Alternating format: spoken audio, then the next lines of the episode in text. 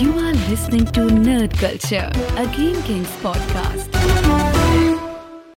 Jawel, Nerd Culture nummer 24 alweer, jongens. Het gaat zo fucking snel, ongelooflijk. En we hebben een bazige baas als gast hier vandaag. Niemand minder dan de onvolprezen, de levende legende. Daar is hij, Dennis Wening. Yay. Deze van een intro, joh. Ja, de, de- een beetje een intro hoort erbij. ja, dat is waar. Dat, doe je, dat deed je heel goed. Hoe, hoe is je audio? Want eh, bij mij zit hij nog altijd niet op twee oren. hoor ik maar. Ja, ik hoor ook één oor. Ik, eh, ik, ik, vind altijd, ik word heel neurotisch van audio over één oor. Heb je dat ook? Ja, ik ook. Dat is, Ik, dat- oh, ja, dat ging iets goed, hè? Ja, het zit er echt in. Ja, Het is ook een soort intelligentietest dit. En ik, ik, ik, ik slaag nooit. nee. We moeten, het op, we moeten het op één oor gaan, eh, gaan doen. eh. Daarom, inderdaad, ja. Dat is. eh hey, Proost, man. Ik Ja. ben heel blij dat je er, dat je er bent. Het, Ja. eh, ik, we, we komen elkaar altijd tegen op MTV-feestjes. En, en soort van. De laatste keer was een launchparty, denk ik, voor Call of Duty of, of Destiny, weet ik het. Ja, zoiets. jaar geleden, zoiets. Ja, ja ik, merk, dat, ik merk wel dat ik met, eh, met, die, met die games... dat ik, ik houd gewoon niet meer bij. Die Call of Duty en ik kan er niet online spelen. En dan, dan, dan word ik weer uitgenodigd op Call of Duty Black Ops eh, 16. En denk ik, ja, ja, ik denk, ik kan toch niet spelen. Nee, maar dat is het ding. Je naam staat op die lijst. Je komt en je krijgt de game en topper. Ja. En dan, dan- ja, weet je, en inderdaad 100 uur in de week. Want zoveel tijd moet je erin steken om echt goed te worden. En ik kan het ook. Hebben, hebben we gewoon niet meer geen tijd voor. Nee, nee, het zou oude mannen. Ja, oude man, hè. Jesus Christ. Ja. Je bent niet een oude man, toch? Ja. Ik, nou ja, ik, ik, ik, vind mezelf dus geen oude man. Maar ik merk altijd, zeg maar, als ik jongere mensen ontmoet... die altijd dan ineens u gaan zeggen. Dan denk Ja, ik, dat is dan denk ik, oh ja, shit. En dan vraag ik... En sommige gasten die ik ontmoet... en dan denk ik van, eh, nou... Dan weet ik ook echt niet hoe oud ze zijn. En dan zeg ik Ja. later, want die hebben dan baard en alles en zo. En dan zeg ik, oh, ben eigenlijk, ja, 22. Dan denk ik, fucking hell. Ja, ja. ik ben gewoon dan, weet je, ik ben 41. Ik ben gewoon bijna de helft. Maar die eh, baard is verneukeratief. Dat is, die Ja. baard is een ding, man. Dat, ja, nou, ik, grijze haren, die verraden in ieder geval mijn leeftijd. Ja? Ja, die baard en zo. dat is- ik zag, eh, ik had even net snel eh, Wikipedia gekeken. En nu eh, pas, dat was je voorbereiding. en, Dat- dat- voor echt serieus, één minuut geleden. En het, het enige ding wat me echt opviel is dat we op dezelfde dag jarig zijn. Is dat En dat wist heb ik nooit gehad. 21 februari. Ja. jarig. ja, dat vond ik echt Nou, dat is tot zover je voorbereiding. Dat was mijn voorbereiding inderdaad. Ja. En ik weet dus nu dat ik, ik ben precies vier jaar ouder dan jou. Dus dat, eh, dus ik Oh, had zoiets oh, van, dat vond ik me een jonkie. Da- daarom, ik dacht Ah, als jij je oud voelt, fuck. Want toen had ik zoiets, dan moet ik me zorgen maken. Ik voel me helemaal niet oud, man. Ik voel me 12 en het gaat nooit weg. Eh, het grappige vind ik, weet je, van de, eh, ook weer deze podcast, weet je, dat je eh, eh, dat- dat- de- dit nerd culture en eh, Mhm. dat je dat dat, dat, dat weer oké is. Dat je nu als ik moet, ik weet als volwassen man dat ik daar echt wel voor heb moeten strijden. Dat ik, eh, dat ik denk dat tien jaar geleden nog was of zo. Weet je, dat ik een spelletje ging spelen s'avonds. Ja, man. Dat mijn vrouw me aan zat te kijken en zei van... Ga je nou een spelletje spelen? Dat was, dat was dat je al... Dat je denkt, oh, dat doe je alleen als je 16 bent. Dat Ja, inderdaad. meer, Weet je wel, dat, je dan, dat heeft even tijd gekost. En ik ben blij dat het nu wel een soort van ingeburgerd is... dat, dat ook volwassen mannen zoals jij en ik... ook s'avonds een game kunnen spelen. Dude, het gaat veel verder dan dat. Ik zie mensen gewoon echt... Toevallig gisteren had ik nog een gesprek met iemand die zei van... Ik ben echt een nerd, zei hij. Dat was een statement. En ik heb toch zoiets van de enige reden dat dat nog een statement is. Dat, dat zegt iets over leeftijd. Weet je, ik bedoel... Ja. eh, Kids van vandaag dag, of die gasten met een baard van 22... die hoeven niet meer te zeggen, ik ben een nerd. Weet je, ik bedoel, het is gewoon... Nou, maar het is wel wat, wat grappig is wel van, van, van nu, van tegenwoordig, is dat het eh, je kan het nu wel omarmen. Je merkt ook wel dat er een, een hele doelgroep is die dat zeg gewoon die, die er een soort trots op is. Ja, En, eh, en ik weet het zeg maar zelf met mijn eh, Star Wars liefde. Dat ik in, weet je, dat ik naar Londen ga naar een première en dat ik daar dan mijn idolen kon ontmoeten. Dat ik, dat ik in het begin dacht ik van, oh shit, ben echt, dat, dat zeg maar eh, 80% van de mensen kijkt je aan van, jezus, dan ben jij voor kleuter, dat je dat zo leuk vindt. Maar Ja. dat dat nu wel een soort van, oké, er zijn toch wel, is toch een hele grote groep die dat toch wel tof vindt. Nou, en ik vind het ook, en dat- daar wil ik heel graag met je over praten vandaag, over, over media en over mainstream media en over juist wat er op YouTube aan het gebeuren is. Ja. En ik wil iedereen in principe heeft een miljoenen publiek. Weet je, als jij morgen, nou ja, sowieso, maar als iedereen morgen een YouTube kanaal eh, begint, dan kun je de hele wereld bereiken. Kan, maar ja, dat, is, dat bereikt natuurlijk niet iedereen. Want ik, Nee, snap ik. Maar stel dat je content goed is en whatever, Ja. het wordt opgepikt. Maar ehm, ik, ik weet nog als de dag van gisteren dat ik te gast was bij Wakker worden in met Nederland, Wakker Nederland, weet ik, was een programma, was een talkshow. En die gingen dan ook iets met games doen. Nou, hadden ze iets Ah, van ja. Nintendo geregeld, weet ik van. Dan moest ik daar opkomen dragen om zes uur 's ochtends. En eh, dat werd gepresenteerd door niemand minder dan eh, Sven Kokkelman. Ehm, ja, ja, die snapt het wel. die snapt het wel. En die, nou goed, dus we hebben daar een, een, ja, een beetje geanimeerd gesprek van, eh, ik denk een kwartiertje over, over Nintendo, over die games. En vervolgens zegt hij, ik bedoel, het is nog steeds half zeven 's ochtends. Hè, zegt hij van, nou jongens, en ik, ik zat daar met een collega van mezelf, en nu gaan jullie zeker lekker pizza eten. Oh. Ik had echt iets van, fucking hell. Ik ben gewoon... wel waar, maar dan hoef jij niet te... Nee. Daarom, ik ben om vijf uur ochtends opgestaan, weet je. Ja. Ik bedoel, het, ja, weet je, en die, die- dat, dat, dat totaal niet begrijpen. Dat, die, die hele andere dimensie. En nu heb ik zoiets van, iedereen snapt dat, weet je. Ik bedoel, onze generatie zijn, zijn in de directie van grote bedrijven. Maar het zijn wel gewoon Ja. gamers, weet je. Dat, eh, Ja, ik, ik ben ik, ook wel weer een soort grappig, want eh, ik had toevallig net daar een eh, gesprek over met Linda Hakenboom, die ook een beetje in die culture is gedoken. mhm. En toen zei ik haar, ja, ik, maar er is wel bijvoorbeeld, het was altijd wel oké als je FIFA speelde, Ja. als man, want dat is voetbal. Huh?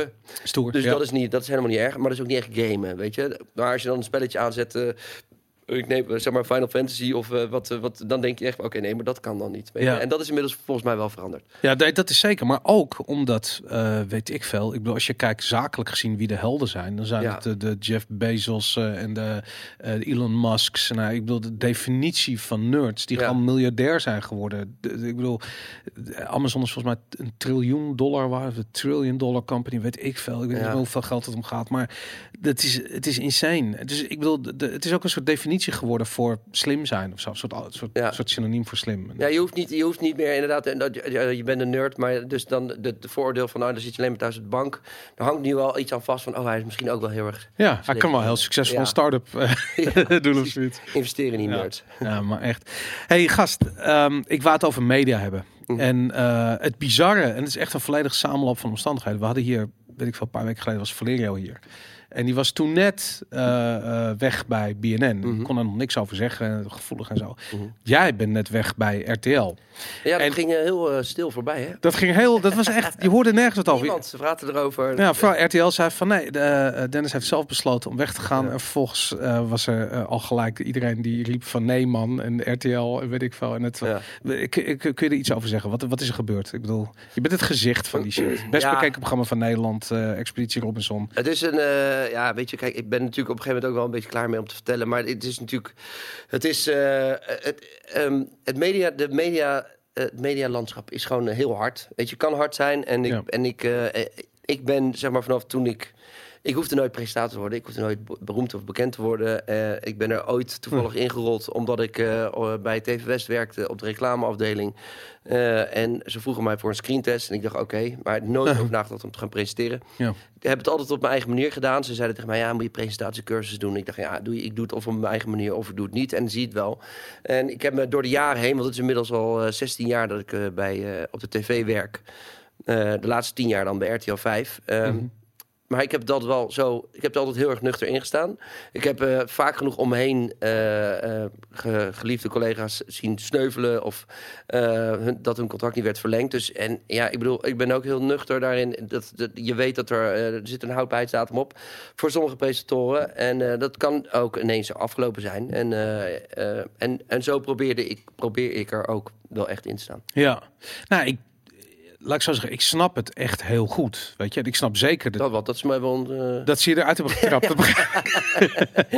nee. nee, maar ik snap de, de- dat idee van, het, van dat alsof je steeds met meer mensen op hetzelfde ijsschot moet blijven staan. Weet je, want dat is natuurlijk Ja. wat er aan de hand is. Want die, die, die, die, die omroepen die zijn aan het bezuinigen en Ja. er moet, alles moet jonger, maar toch ook weer vreemd genoeg niet. Want Omroep Ja. Max is de best bekeken eh, omroep van Nederland. Dus er zit een rare schizofrene toestand is daar aan de hand. En, Ja, het is, het is, eh, het is grappig dat ehm, eh, echt een aantal jaar geleden, weet je, er waren de YouTubers, waren, en dat, ja, dat werd als presentator op tv werd een beetje op neergekeken. ja. En eh, de tv heeft daar veel te laat, eh, is daar op, veel te laat op ingesprongen. Ehm, ik, doe, ik doe Robinson, maar Robinson is natuurlijk wel een van de weinige programma's nog op tv die zo ongelooflijk goed scoort. Eh, dat is ook een, echt een programma waar mensen nog eh, voor thuis gaan zitten eh, eh, om, om te kijken. Want anders dan, hè, dan Ja. is een spoiler, want je moet het wel zien. Want anders dan eh, zie je op een ander moment al wie eruit is. En, eh, oh, eh, en bijvoorbeeld de Voice op vrijdagavond is er ook nog zo. Nee, dan ga je met je kinderen op de bank naar zitten kijken. Ja. Maar voor de rest, ehm, ja, alle programma's die ik verder, ja, die er nu op RTL 5 zijn, die hebben het moeilijk. Laat ik het zo zeggen. En ik voelde het natuurlijk wel aankomen van, oké, dit, dit, dit, dit is een, ja, een, bijna een verloren gevecht. Ja, maar ook, ik bedoel dat niks, niks ten nadele van RTL of van televisie of van de televisieprogramma's of wat dan ook. Dat, eh, eh, dit, dit kastje, dit is echt, eh, dit, dingen, ja, het is vreselijk. Ik moet zeggen, ik heb nog nooit zo erg gehad als nu, dat de audio. Ja, bedankt. is echt verschrikkelijk. Ja, ik, zal, ik zal een nieuwe bestellen.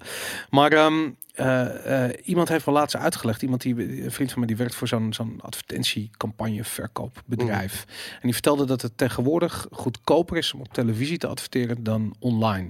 Omdat eh, ja, tv gewoon goedkoop is. Nou, dat geloof ik niet. Ja? Nee, dat geloof ik niet. Want ik weet, eh, ik, ben, eh, ik, ik verdiep me nu ook wel eh, in het online. Ik, kijk, ik weet niet voor YouTube hoor. Ik bedoel, Per, per, per duizend kijkers voor een, voor een, een, commercial campagne. ja, maar dan moet je denk ik wel bijvoorbeeld als je een Calvin, zo'n YouTuber die een miljoen abonnees heeft, dan geloof ik wel dat je wel veel geld voor moet betalen. Maar ehm, em, ik denk nog steeds als jij bij tussen op Pauw eh, wel eens, eh, Mhm. s'avonds, eh, wil adverteren dat je nog steeds heel veel geld kwijt bent.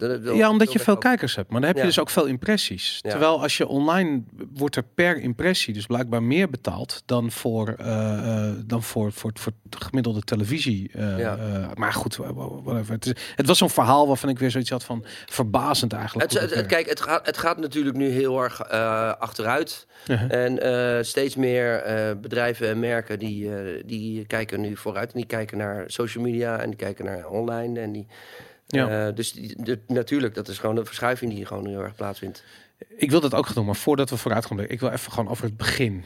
Ik bedoel, jij bent Ja. ooit begonnen een lokale zender, TV West. Ja. Toen ben je naar eh, een, een productie gegaan die ik via mijn vriendin, die daar ook werkte, eh, heb leren kennen, Kink TV. Ja, En eh, die deden ooit zelfs een gameprogramma eh, met die gasten, met Stefan en die zijn, die, die is later van, eh, hoe heet het geworden? Eh, Stefan Flip? ja, ja, eh, Ja, dat van, ja. Goed verhaal.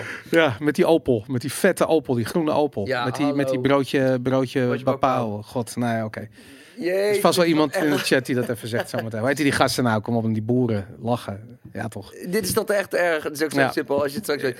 Ma een Maaskantje. Ja. Hallo. Even serieus. Iemand in de regie die het weet? Roepen. Wat, New Kids? Natuurlijk, New. Kids. Jezus. Ongelooflijk. Er zitten een paar bejaarden hier met park.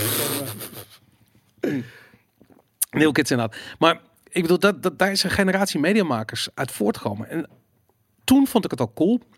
Maar ik heb het idee dat het echt de voorloper van YouTube was. Op een, op een manier geproduceerd hoor. Ik bedoel, er zat daar natuurlijk... Maar wat was dat dan? Want ik weet... Nou, dat de gewoon jonge mensen die met een camerapad gingen en toffe shit gingen doen. Ja, ja, ja. En dat, eh, wat, wat kan je herinneren uit die periode nog? Ehm, ik weet nog dat ik toen... Ik werkte toen vier jaar bij TV West. En dat was de, de- dus de regionale tv. En dan op een gegeven moment was ik wel bekend in Den Haag. Ja. Eh, en, eh, en dan krijg je natuurlijk op een gegeven moment dat allemaal mensen gaan zeggen... wanneer ga je de stap maken naar de landelijke tv? Weet je? En dat, en dat boeide me niet, want ik vond het werk hartstikke leuk bij TV West. Maar dan merk je ineens dat iedereen op een gegeven moment gaat zeggen van... nou, het duurt wel lang hè, voordat je die overstap Ja, maken. En, eh, en die druk voelde ik meer. En uiteindelijk natuurlijk heb je wel... ja, je zit natuurlijk met een beperkt budget bij zo'n regionale tv. En dus toen kwam dus ineens Veronica eh, eh, met de vraag of ik daar eh, wilde werken. En Veronica ken ik alleen nog maar van vroeger. En het was natuurlijk een hele grote zender. Maar dit was een heel raar systeem. Want het was door Entertainment Group geproduceerd. En ik deed dan King TV. en dat was dan van 6 tot 7. En dan van 7 tot 8 werd herhaald. Ja. En dan had je van 8 tot 9.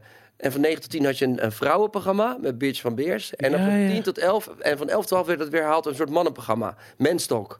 Sick, ja. En, eh, en ik weet nog wel dat ik toen dacht van nou, dan ga ik naar de landelijke tv. En het werd uitgezonden op TMF. Oh ja? Ja, Dat was later toch pas, of niet? nee, dat was in het begin begonnen ze bij TMF. En dat later werd het een soort eigen zender. Maar Ja, Het, was, het was heel raar, want ik dacht van ja, dan gaan ze het herhalen. Dat, Uh-huh. dat, dat doen ze bij regionale tv. Maar ik weet wel dat ik toen, wat ik het toffe vond, was dat eh, op een gegeven moment tijdens King TV mocht ik mijn eigen items maken. En eh, dat was toen Stennis met Dennis. Ja. En, eh, en toen ging- mocht ik eigenlijk zelf dingen verzinnen wat ik wilde gaan doen. En toen hebben we echt wel hele toffe, gekke filmpjes gemaakt. Maar dat idee, dat je, ik bedoel, en we hebben het over misschien wel twintig jaar, tegen de twintig jaar geleden, zo lang geleden is dit. en dat, maar het feit dat je toen als tv-maker en je eigen eh, items kon maken en gewoon op pad kon gaan, het Ja. kon presenteren, het gewoon kon verzinnen. Ja, ja dat Ik- is eigenlijk gewoon wat YouTube nu is. Daarom, ja, dat was toen, had en je ik, dat denk, niet. en ik denk ook serieus, dat klinkt, dat, nou, ja, dat meen ik wel trouwens. Ik denk echt bepaalde items, als ik die nu op YouTube zou, eh, zou zien, eh, zou laten zien, dat mensen echt denken, oh, wat fuck.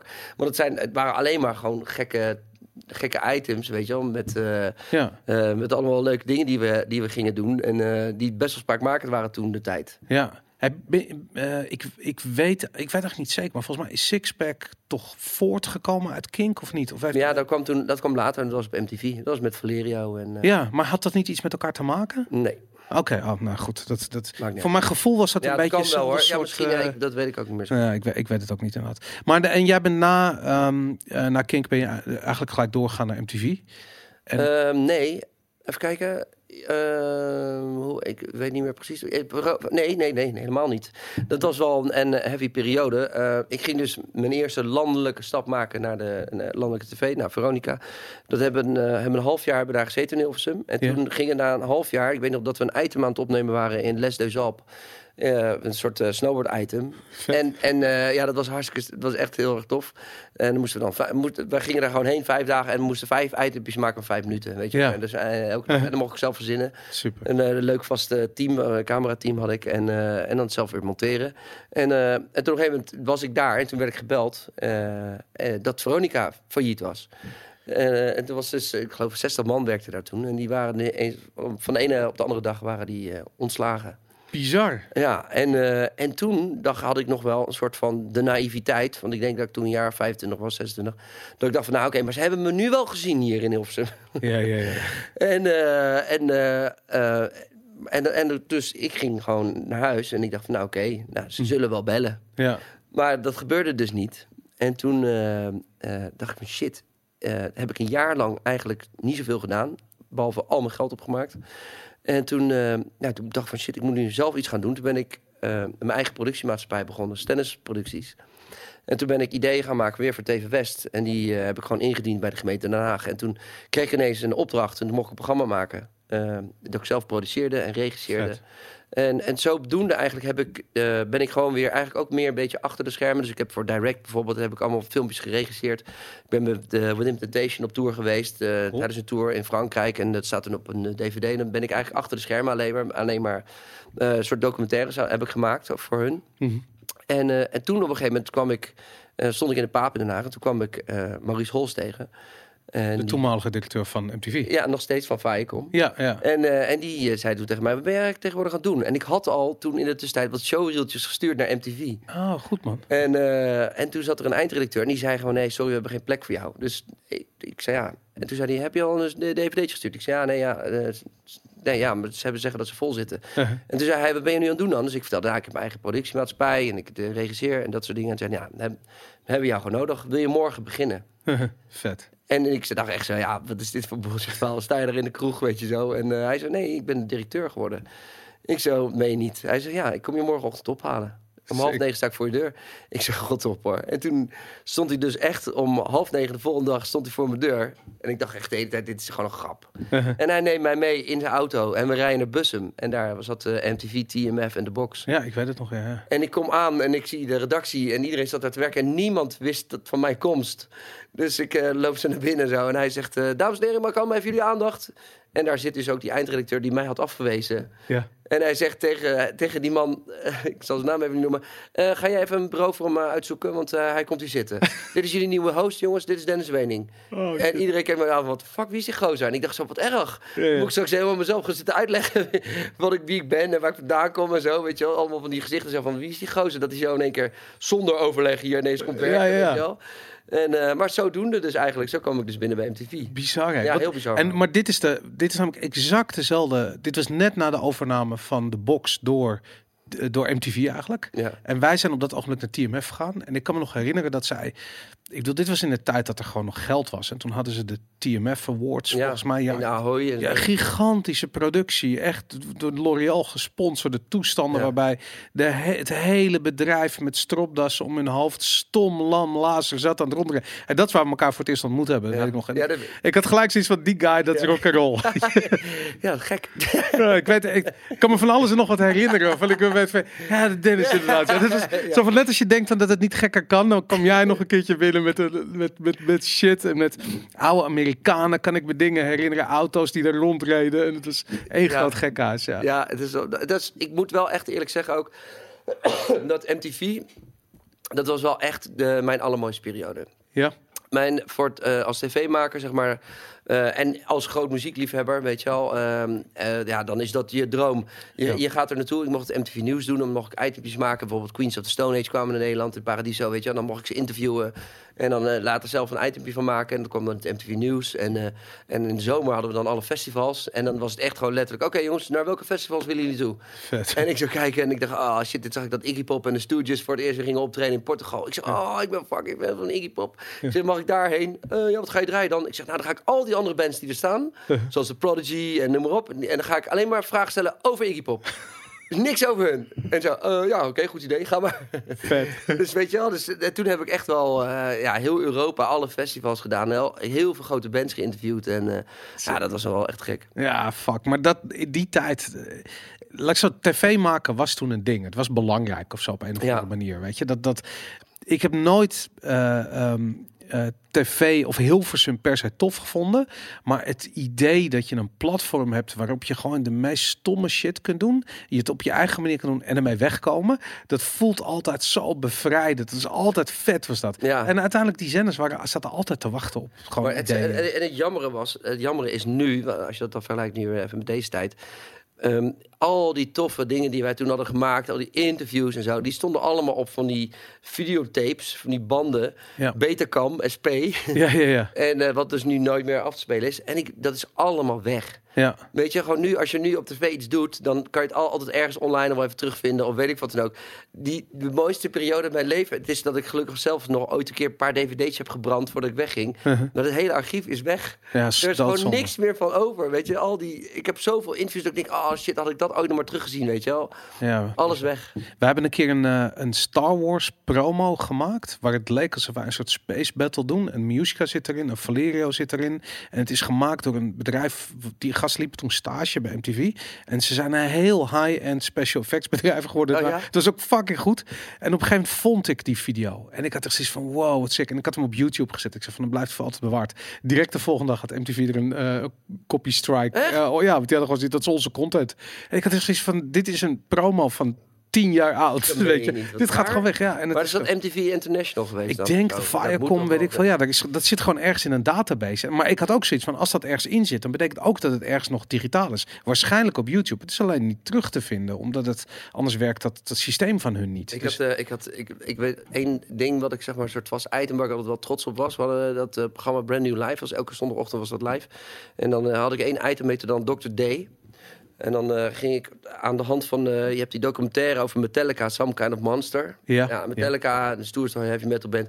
Nou, die, die documentaire, dat vond ik echt, het was tenenkrom. Het zo, dat, dat je het beeld van een soort stoere rock'n'roll band, heavy metal band in duigen ziet vallen, omdat die band dan in therapie gaat. Weet je, met zo'n therapeut die gaat praten over inner feelings. en Met Lars Ulrich. En, en dat was zo erg. En toen, da- daardoor kwam ik op het idee om Dr. D te doen. Dus ik wilde, ik kon natuurlijk heel veel bandjes interviewen. Maar ik dacht, ja, ik ga het op een andere manier doen. En ik ga die bandjes een beetje bij instrueren over hoe, eh, weet je, dat het op een grappige manier is. Dus ik zag er niet uit. Ik was mijn haar helemaal plat. Ik had een bril op en een heel lelijk blouseje met een stropdas. En ik had zo'n zo'n psycholoog tikje, weet je, zo'n TikTok. Ja, ja. TikTok had ik altijd bij me. En dan ging ik dus naar bijvoorbeeld de Kaiser Chiefs. en ik weet nog, vergeet ook niet meer, met eh, Ali B. En dat Ali B was toen helemaal bekend als de knuffel Marokkaan. En dan ging ik, ik ging altijd een beetje de pijnpunten aansnijden. Dus dan zei ik tegen Ali, ik zeg, heb ik wel van tevoren een beetje ongeveer verteld waar het naartoe gaat, maar niet helemaal. Dus dan zei ik, Ali, ik zeg, we hebben een probleem man. Je bent een rapper van de straat. En dan komt dit naar buiten. En dan had ik een foto van hem met, Mar- met Beatrix als knuffelen. ik zeg, waar is die rapper van de straat? Je kun- je bent een knuffel Marokkaan. Ik zeg, er gaat iets niet goed met je reputatie. En eh, er moet iets aan gedaan worden. en, eh, en uiteindelijk eindigt het filmpje dan dat hij mij helemaal in elkaar bukt. ik met mijn neus helemaal op de grond ligt. En dat Ali bij hem zegt, ik vond het een goede sessie, Dr. D. ik zeg, fijn dat de echte Marokkaan weer naar boven is gekomen. Vet, heel vet. en zo hadden we elke week hadden we een leuke... zo- Weet je, die artiest vond het zelf ook leuk. Ja. Ja. gelukkig niet zo'n standaard interview. Maar die heb ik wel weer teruggevonden. Dus Oh, Misschien dat ik die... Ik ben benieuwd wat er gebeurt als ik die op YouTube gooi. Nou, je zou het moeten doen. Gewoon om te kijken wat er... Wat er gebeurt. Ja, daarom. Want ik Ja. kan me gewoon... Ik heb eerlijk gezegd ook niet het idee dat er bij MTV nog heel veel mensen aan het werk zijn die hier actief mee bezig zijn. Nee. Wat kan hun het schelen als je je items van... Nee, ik denk ook niet dat hun dat uitmaakt. Het is, eh, ja... Nee. Hey, en ehm, ik bedoel, je, je bent dan nu net weg bij RTL, maar ik bedoel, als we kijken naar wat televisie nu geworden is Ja. Die 20 jaar geleden. Vroeger had je eigenlijk alleen maar tv. Het was met kop en schouders het enige medium wat ertoe deed, Ja. wat massa impact had. Het was iedereen wilde iets met tv. Iedereen wilde iets van jou. Waarschijnlijk ook op het moment dat je weer een nieuw programma had Ja. of ergens. Je werd altijd uitgenodigd. En nu zie je gewoon van ehm, eh, als er een evenement is, dan zijn de social influencers die lopen het plat. Eh, eh, weet je, tergende YouTube filmpjes die die vliegen Ja. je om de oren. Als het niet social gaat, is het mislukt. Die shit. Hoe, hoe, hoe, hoe kijk je daarnaar? Ja, ik vind het woord influencer ook zo erg. ik vind het echt verschrikkelijk. En ik vind eh, eh, Freddy van de jeugd vind ik echt fantastisch om, Ja. om hem te volgen. Want hij is dan zelf influencer, weet je Ja. wel. En eh, ik, vind, eh, ik vind ook dat hele akkefietje met Maxime Hartman en eh, hoe heet ze, eh, eh, met wie die nu bonje heeft. eh, Ik heb niet gezien. Oh, nee, heb je hem niet gezien? Nee. Hij doet de Boxing Stars, doet Maxime. Ja. En eh, toen kwam eh Godver, redactie, hoe heet? Saar, bedoel je Saar? Nee. Nee, ja, had het over Dionne Straks, had hij het bij Pauw. Over dat, hij, dat ze zo'n truitje aan had met... eh, dat je de borst heel goed kon zien. Ja. En dat hij dat aanstootgevend vond aan ons man. Want dan beroep je toch bepaalde gevoelens op. Nou, er was, viel de heel Nederland viel erover. En uiteindelijk, en daar zei Dionne Straks was helemaal boos. En, en toen uiteindelijk eh, had hij de volgende dag had hij een foto gestuurd. Zat Dionne Straks met een jasje aan. En zei hij, zie je wat een influencer, wat voor impact heeft? Dacht ja, dat weet je. Ik, ja, het is... het is Ik vraag me af of je ook iets hebt als een soort van... Ik bedoel, als je slechte invloed kan hebben... dat je ook een slechte influencer bent of zo. Weet je? Dat je soort van mensen kunt aanzetten tot, tot, tot Ik slechte vind, het een shit. heel, ik vind het gewoon een heel raar, eh, eh, heel raar begrip. En, eh, ik vind het ook een soort heel raar wereldje. Want je ziet, want sommige influencers, die hebben dan bijvoorbeeld, weet ik veel, hoeveel de- eh, honderdduizenden volgers, weet je. Maar, en als je naar de foto's kijkt, dan zie je het gewoon allemaal foto's dat ze ergens een croissantje aan het eten zijn. En dan Ja. hebben ze een kleding aan van een of ander merk. En dan denk ik van, ik, dat je daar nog intrapt, zeg maar. Al mensen om daar naar, weet je, waarom vind je dat leuk om naar te kijken? Dat snap ik gewoon niet zo goed. Ja, nou, grappige filmpjes, leuke toffe filmpjes zijn. Of je, maar, je brengt een merk op een bepaalde manier naar buiten. Vind ik nog wel tof of zo. Maar Ik, ik heb er hele dubbele gevoelens over. Omdat aan de ene kant vanuit een tv maak technisch oogpunt heb ik echt zoiets van die content is niks. En dat is waarom er altijd zo'n gat is geweest tussen YouTube en tv-makers bij wijze van van ja technisch is het minder, maar ik realiseer me dat er eh, bijvoorbeeld als je naar live kijkt, dat live, ik bedoel wij zijn dit live, Ja. dit gesprek nu live aan het streamen. is dat zo? ja, Oh shit. en er zitten, eh, nou weet ik het, misschien eh, ergens tussen de drie. Golsen, ja, dankjewel. Ja, en- Die binnen. Oljek, ja, natuurlijk, Golson, ja. Er zitten, we- weet ik het, drie tot 500 man live te kijken. Die zitten met elkaar te chatten en die ze hebben het over ons gesprek en die zijn daarmee bezig. En ik merk gewoon van de dynamiek van live is heel anders dan de dynamiek van video. Nee, dat vind ik. Luister, So You Think You Can Dance deed ik altijd. Weet Ja. je? En dat we hadden ook live shows. En ik vond dat het allertofste wat er is. Het moment, het, het besef dat er, eh, dat er toen in de tijd, weet je, keken er een miljoen mensen naar. En toen dacht ik zo, ik dacht alleen maar, gaan ze mij nou deze verantwoordelijkheid geven? dat ik, ik kan gewoon nu alles zeggen, weet je. Ja. En, maar ik vond het idee. Je wordt echt spontaan Ja, Gilles de La Tourette Ja, maar ik vond het alleen het idee grappig eigenlijk dat als het misgaat, weet je, dat had ik al in mijn hoofd. Dus ik raakte dan niet in paniek. Ik, vond, ik dacht juist, ik vond het zelf namelijk heel grappig als naar een live show zou kijken en dan gaat iets mis. Ja. En iemand draait het om en maakt er iets grappigs van. Dat vond ik juist leuk. Ja. Ik, heb wel, ik heb wel eens gehad met de So You Think You Dance dat ik, dat ik een heel serieus filmpje moest, in, moest worden ingestart. Een heel zielig filmpje waarin de danser vertelde over het overlijden van zijn moeder, geloof ik, of God, zo. ja. En net daarvoor, want ik krijg dan een kaartje met Mhm. tekst. En ik moest op het balkon staan tussen het publiek. En die opnameleider die en ik, die kennen elkaar al veel te goed en veel te lang. En, die, en wij maakten een grapje en hij begint te lachen keihard. Vlak voordat we live gaan. En hij gaat zo hard lachen en hij loopt weg. En ik sta zo, ik denk, nee, dit is helemaal kut. Ik ben de tekst kwijt. en ik schiet keihard in de lach. Maar ik kon niet meer stoppen ook. Dus ik sta zo, en het volgende filmpje. ah, en ik huilen, huilen, huilen. En ik zo, eh, ga maar kijken. En dan komt er een heel dramatisch filmpje in. Dat was zo erg. Dus die hoorde ik echt zo in mijn oor, in mijn regie zo. Dennis, dit was echt niet gepast. Ik zei, nee, dat weet ik. Maar dat is toch altijd juist aan het juiste moment. Dus je Ja. weet, nu moet het niet gebeuren. Dan gebeurt het Dan wel. Ja, gebeurde het, tuurlijk, weet ja. je wel. En later krijg je dan toch wel weer eens van mensen een reactie van... Jezus gast, weet je, dan leef je wel weer mee. Je Maar ik, als je er op dat ogenblik scheid aan kunt hebben, ben je een hele goede presentator. Dankjewel. Want nee, maar serieus, maar hoeveel mensen hebben, herstellen daar niet van? Ja. Weet je dat dat ik, ik ben een keertje betrokken geweest bij de, eh, de bij de TMF Awards en wij deden ook wij deden zelf de TMF Game Awards. Ja. Ehm, en Skate presenteerde dat jaar de TMF Awards. En nou goed, dat was in, in uh, Ziggo Dome. Het is allemaal uitverkocht. Ik weet wat ze kwijt waren aan die productie. Het was fucking duur. En ik stond naast de producent van het hele circus. En ik had ook zo'n dingetje op. Zo'n, zo'n, wat ik kon meeluisteren wat, wat er gebeurde. Dus dat podium gaat, podium gaat omhoog, skate kon boven. En die zegt, je kijkt naar de TMF Game Awards. Dus ik zo Dude, zei hij nou Game Awards? en de hele span, want het was echt zo van yes, de opening ging goed. En ik kijk zo van, zei die Game Awards? En je zag gewoon dat het doordringde. Het, het drong door en het was echt zo, fuck. En, maar ik weet dat ik daar stond en ik dacht van, maar als ik skate was geweest op dat ogenblik, ik had, ik had niet meer hersteld. Mijn hele avond was kapot geweest. Nee, maar ik denk dat het, eh, mijn voordeel is geweest dat ik het eh, al, vaak genoeg eh, mee heb gemaakt. Dat ik, het ik vergeet dus nooit meer dat ik zeg maar, toen werkte ik bij TV West. En toen, eh, eh, ik ben dus, ik heb echt, daar heb ik wel, ik heb een trauma met namen. Oké. Ik moet altijd echt namen opschrijven op een kaartje, want je, je, je kan nog 16 keer aan me voorgesteld zijn, maar ik heb, dan gaat dan ergens gaat het Ja. mis.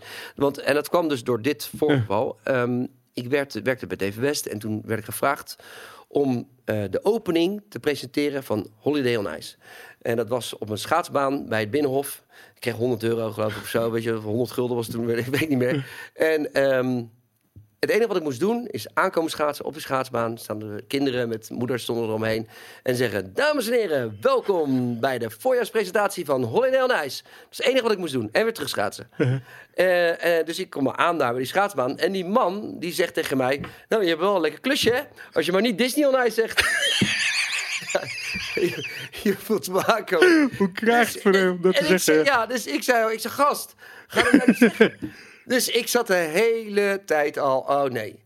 Dus ik schaats, ik zie die kinderen staan. Ik denk, het is makkie, Holiday on Ice, Holiday on Ice. Niet Disney on Ice. Holiday on Ice, Holiday on Ice. Niet Disney on Ice. Schaats, schaats, schaats, schaats. Rem. Zeg, dames en heren, welkom bij de voorjaarspresentatie van Disney on Ice. Eh, Holiday on Ice. Ik denk, wat een mogol, doe ik het toch.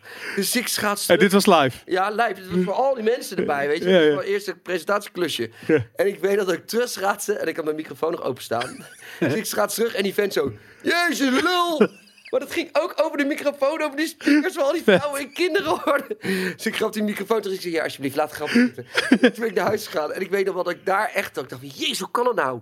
Zo makkelijk. Holiday on Ice, niet Disney on Ice. Maar dan gaat het in mijn kop zitten. Ja, tuurlijk. Ja. Nee, maar, maar die hele shit, de, maar de, de psychologie van herstellen, van dat, ik bedoel, je, je, ben, je bent niet bezig met die mensen die kijken, maar je bent bezig met de mensen met wie je werkt, weet Ja. je. En precies dit, zo van iemand die zijn spanning heel eventjes overbreekt op jou. Ja. Als je maar niet dit doet. Maar dat was, het, het was precies ook, dat is, dat, dat is het dus met name, ik was nog niet eens lang geleden, ik denk een jaar geleden bij Late Night gebeurd. Zit Uh-huh. ik in de kleedkamer met Arie Boomsma. Mhm. En we zitten kla- het kletsen en Arie ken ik al heel hartstikke lang. En we hadden het ineens over hoe mensen dus soms, eh, weet je, bij mij, dat noemt, dat zei Dennis Storm. Weet je, het is gewoon fucking dom. Ja, Dennis, Den- Dennis is al heel goed genoeg. Ja. Weet je, zo. En, en toen zei Arie zo, ja, ik heb dat heel vaak. Dan zeggen ze, Jan Kooijman tegen mij. Dus ik zo, ja, ik zeg, eh, ja, allebei van die... Oké. En vervolgens zitten we live in de show. En Arie wil iets laten zien. Hij zo, hij zo kom dan Dennis. Ik zei, nou, kappen naar Jan. En hij zo, zeg je nou Jan? Gewoon live op tv, hè. gewoon om, door dat moment in die kleedkamer, gejinxed. Ik zeg, iedereen moet gewoon nooit dat soort Ja. Nee, maar het, en het is ook logisch, man. Ik bedoel, je legt er gewoon de nadruk op.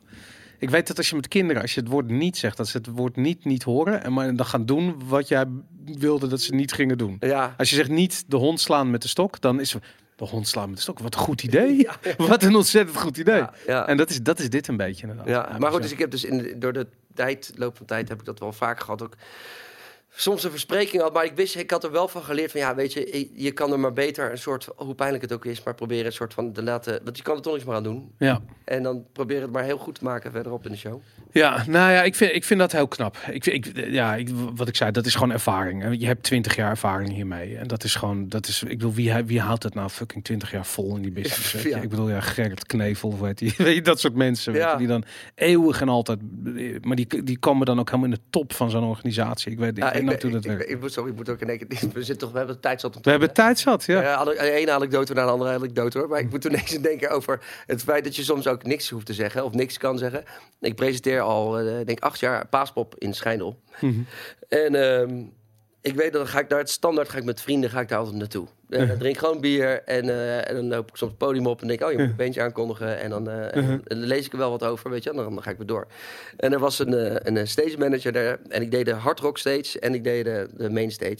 Ze lopen constant heen en weer, maar met een biertje gezellig. En dan zei die, zegt zo'n Brabander die, die, de, die de main stage deed, die zei, wat doe jij nou eigenlijk de hele dag? Een beetje pinsuipen, een beetje pinsuipen en wat zei jij nou eigenlijk op het podium? Je zegt helemaal niks. Je zegt een beetje bandnaam en dan ga ik lekker pinch drinken.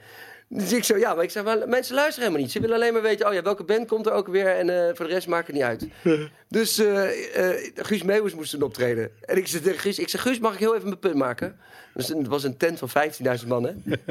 ik zeg, mag ik mijn punt maken? Hij zegt, wat ga je doen dan? Ik zeg, nee, ik zeg, luister, hij, hij onderschat mij. Ik zeg maar, hij denkt dat mensen daar gewoon met een gespitst oor alleen maar zitten te luisteren naar, mijn, naar de biografie van Guus, Guus Meeuwis. Maar dat is natuurlijk helemaal niet waar. Ik zeg, dat wil ik nu even laten zien. Hij zo, oh, oké, nou, doe maar.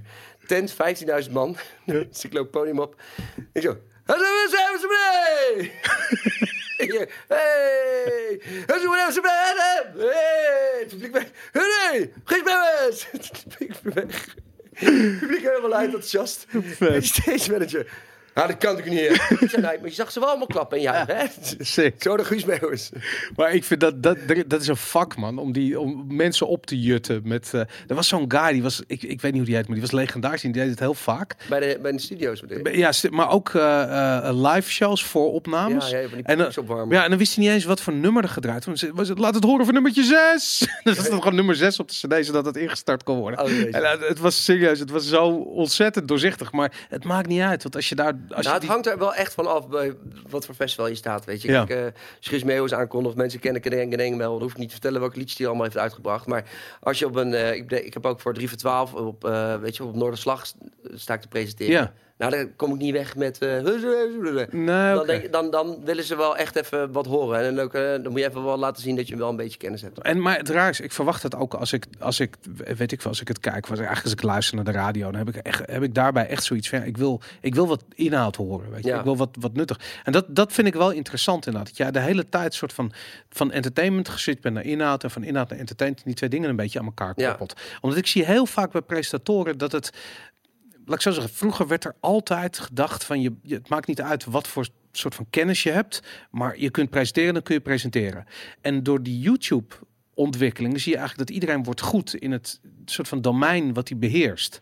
En, en ik heb zoiets van bij jou is het natuurlijk sowieso altijd muziek geweest en eh, logisch dat je die kant op trekt bij wijze van spreken.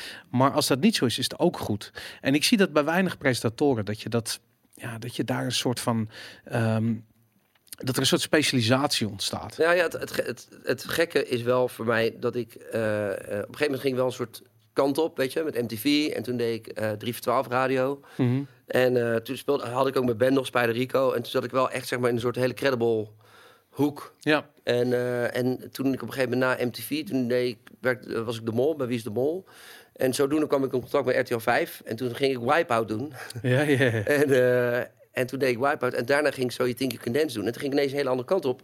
Want ik, waar ik eigenlijk zeg maar eerst juist heel erg soort in de muziek en, en serieuze interviews ging doen. En ook eh, gekke items maken. Maar wel een soort van eh, die presentator die op het randje Ja. eh, balanceert, weet, weet je wel, was. Ging ik ineens, werd ik ineens een soort de nieuwe Henny Huisman. Wat Ja. ik zo voelde. Wat ik vet vond hoor. Want ik weet nog wel in het begin dat ik zo je Think You Can Dance ging doen. Dat mensen tegen mij, vrienden van mij zeiden, ga je nou een dansprogramma doen? Maar ik dacht alleen maar als presentator, weet je, ik ging Ja. vroeger, eh, mijn broer heeft ooit meegedaan aan de Soundmix Show. Eh, en, en dan ging ik als klein jongetje, zat ik in de studio. Sick, ja. Weet je wel, hij, hij, hij heeft nog in de finale gestaan zelfs. En Ja, toen ja. verloor hij van Glennis Grace. Hij deed Bono van YouTube. Low way. En, eh, en toen zag ik in die huisman, dan zag ik die show en ik vond het wel vet. En ik dacht wel van, ja, hallo, luister, nu krijg ik de kans om dat te doen. Ja. Ik ben niet, ik zit niet in die danswereld, maar ik vind altijd mensen die een passie hebben voor iets. Ja. En nou, dat heb, moet je zeker hebben voor dansen. En daar moet je je best voor doen. En je moet een talent hebben. Vond ik onwijs kick om te doen. Dacht, ja, Ja. mensen kunnen wel zeggen, ja, dat is niet credible. Maar ik dacht, ja, fuck credible. Zoals Willy Wart al zei, ik kom incredible. Nee, maar ik vind het, er- zit natuurlijk wel een ding in dat dat echt heel erg de entertainmentkant is. En dat zegt niks Ja. over dansen of over het onderwerp, maar gewoon de, de, de zenders, weet je. Ik bedoel, dat, het is gewoon massa publiek. Het is, dit is niet meer de 3 voor 12, als dat al een niche is, maar de, weet Ja. je, de kenners en de liefhebbers. Dit is gewoon fucking heel Nederland. Net Ja. als bij Wie is de Mol, net als bij Expeditie Robinson. Het is gewoon, ja, er zijn geen programma's die bij wijze van spreken beter bekeken worden dan dat. Nee. Dat is gewoon echt het summum van entertainment. En dat vind ik zo interessant, dat je vanuit dat die gespecialiseerde rol dat bent gaan doen. Omdat je bijna altijd het tegenovergestelde ziet. Ja. Want je ziet altijd dat het soort van heel breed en dan op een gegeven moment dan, ja, dan, dan, dan vindt een presentator ook niet meer zichzelf opnieuw uit. Omdat er, er is niet een, een soort eh, eh, domein wat ze beheersen. Weet je? En jij hebt dat met muziek wel heel erg. Weet je? Dat je, Ja. je kan altijd terug naar dat, dat domein van kennis en specialisme. Ja, ik vond het, ik vond het juist lachen dat, dat ik eh, dat die kans kreeg. Weet je, ik, ik vond mezelf eh, nooit zo ik, Hilversum of zo, weet je. Of zo. Ja. eh, ik, ik wist wel dat ik, weet je, ik was mezelf. maar ik had nou, überhaupt nooit verwacht dat ik naar MTV ging. En toen ook 3 voor 12 werd gevraagd voor Corvette. En toen werd ik ineens gevraagd voor Soy Tinky Dance Show. En, en later natuurlijk Robinson, weet je. Ik ben wel altijd iemand die zichzelf eventjes nog even knijpt. Zo van, fuck, ben ik er echt aan het doen? Wat vet. Ja. Weet je wel. En, ja, maar, en, en, ook wel dat ik denk van, ja, die kans moet je gewoon pakken, weet je. Ja. Hoe, hoe, hoe kijk je nu tegen Hilversum aan? Ik bedoel, even los van de... Je hebt alles gezien, man. Vanaf het, het, het, het begin. Je hebt lokale omroepen gezien. Je hebt, je hebt de RTL's gezien die groter zijn dan wat dan ook. Ik bedoel, je bent bij de publieke omroep heb je gewerkt. Ik zou niet... Ik, wa- wa- voor, waar heb je niet voor gewerkt? Voor SBS gedaan? SBS heb ik nooit gewerkt. Nee, en ook de publieke niet. Dus ik heb Nou ja, drie, eh, drie voor twaalf misschien. ja, drie of twaalf ja, VPRO. Ja, ja, maar. ja, soort of. Ja, maar eh, ja, nee, hoe ik er tegenaan kijk. Ja, ik, eigenlijk zegt het feit al dat ik nog steeds in Den Haag woon, zegt al genoeg. Ik heb altijd gewoon zo gedacht over Hilversum. Ik ben niet zo'n mannetje die zei, ik ben geen meeloper, ik ben geen glijder. Ik ga mezelf niet anders voordoen dan dat ik ben. Ja, Dus ik, ik, ik vond het ook vreselijk om naar die feestjes te gaan. En als ik me ook zo voelde, dan werd ik namelijk altijd heel recalcitrant. ja. En het werkte alleen maar tegen me. Dus ik, eh, ik, ik heb altijd gewoon pertinent gewoon gezegd, geda- gedacht van ik blijf gewoon in Den Haag wonen. Want daar, hier wonen gewoon normale mensen, die zijn recht voor zijn raap, weet je. En Ja. eh, weet je, dan blijf je gewoon met beide voeten op de grond. En, eh, en als ik naar Hilversum moet, dan doe ik het wel. Maar ik heb het altijd wel gewoon een beetje een soort van... eh, Ja. Mijn manager is ook een Hagenees, weet je, Edwin Jansen. Die is ook gewoon altijd gewoon recht, puur voor zijn raap, recht voor zijn raap, puur, eerlijk. En, en, ja, en dat, dat, dat poppenspel wat je natuurlijk heel erg vaak ziet in Hilversum... Ja, daar kan ik, dat, dat trek ik gewoon niet. Maar ik trek dat namelijk ook niet. Maar ik, ik, ik vind het namelijk wel knap dat je twintig jaar werkt. Ja, dat die, vind ik, ja. Die, want iedereen om je heen is wel zo namelijk. Ja, Dat, maar eh, ik, ik kan, ik- in principe kan ik wel goed opschieten met mijn collega's, zeg maar, met de meeste. Ja. Eh, en, en, en dat vind ik wel leuk. En ik vind een programma maken te, te gek, weet je. Als het een leuk programma is. Ik heb geluk gehad, ook met Zoe Tinky Cadence, dat we alleen maar hele leuke, een heel leuk team hadden. Robinson idem, weet je wel. Ja. In die zin, weet je, maar je zal mij niet zo snel op zo'n uh, heel veel feestje eh, zien. Rob, Ja. verder.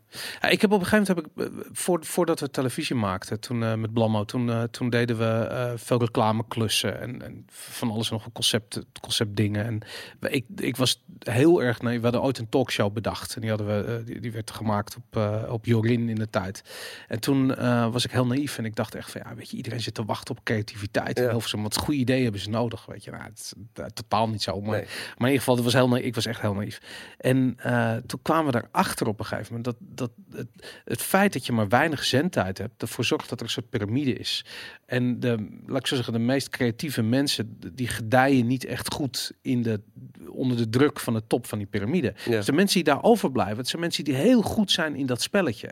En niet dat ze niet aardig zijn of niet getalenteerd zijn, weet je. Maar de, eh, ja, weet je, de directeuren en de mensen die, eigenlijk de mensen die daar net onder zitten, weet je, die zijn ontzettend geslepen en heel erg goed in dat spelletje spelen. En ik heb, ben, heb me altijd verbaasd over de, ehm, dat het zo lang heeft geduurd voordat er iets, eh, eh, eigenlijk voordat You- YouTube ontstond. Ja. Omdat ik dacht van je hebt al die creativiteit, je hebt al die televisiemakers.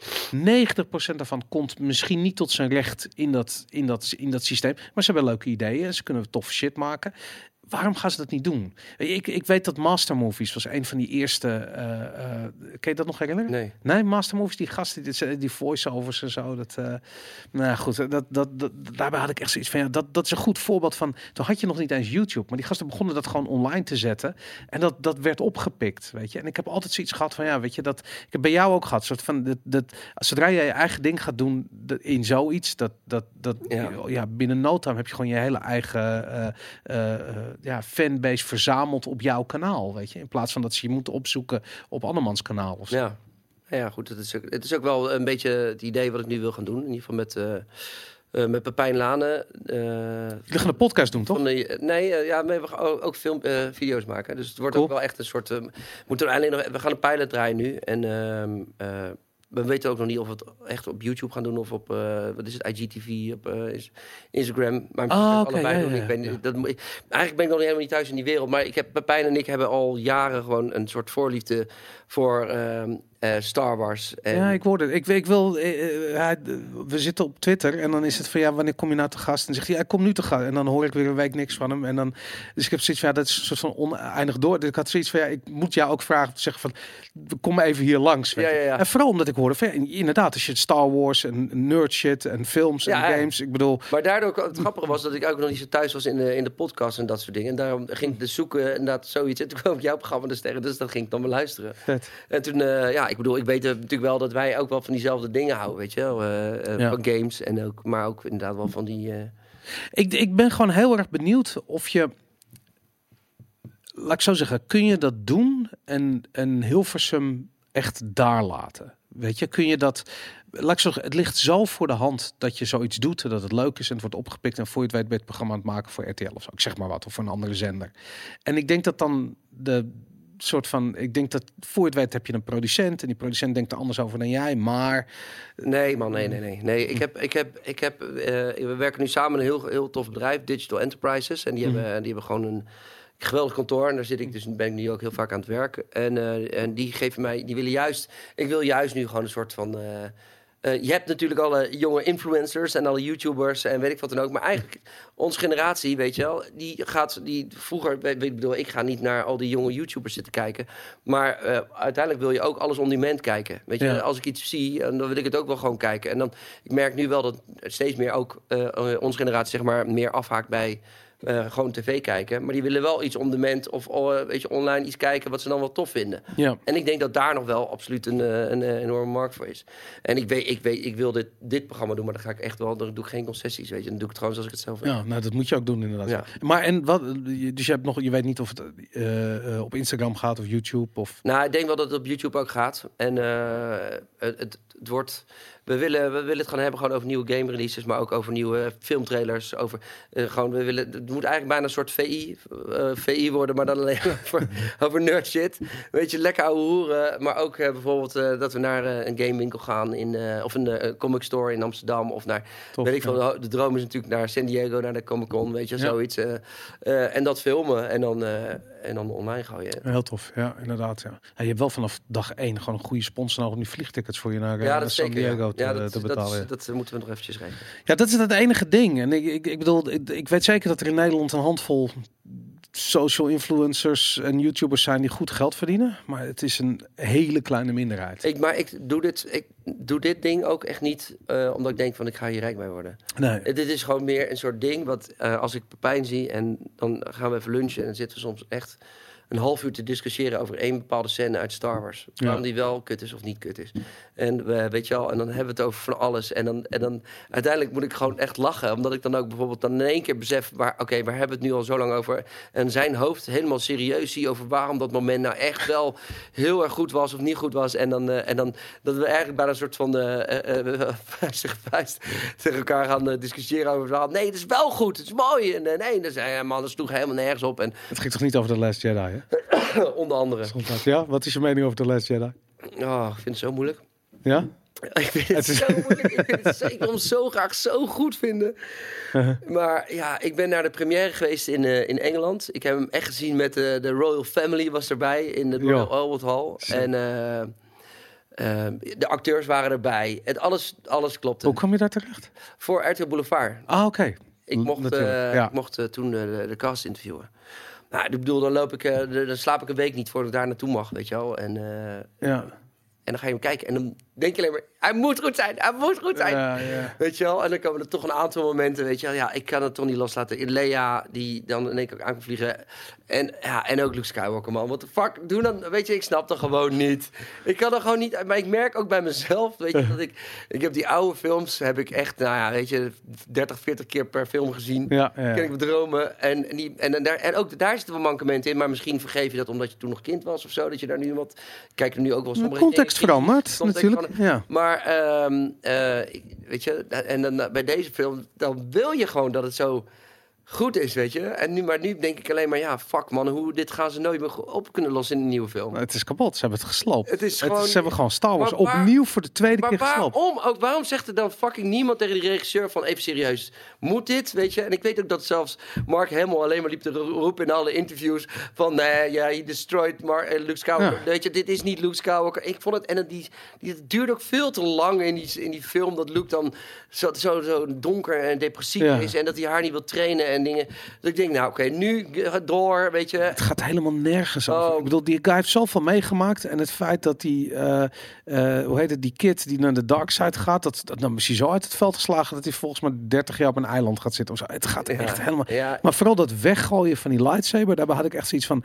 Maar dit is gewoon iets wat Luke Skywalker nooit zou Nee, maar dat is het. En dan, en dan denken ze, ja, dan proberen ze een soort nieuw elan aan te geven en zo. Maar ik, en, ja, en ik, weet je, ik hou echt zo tot, tot in mijn ziel van Star Wars.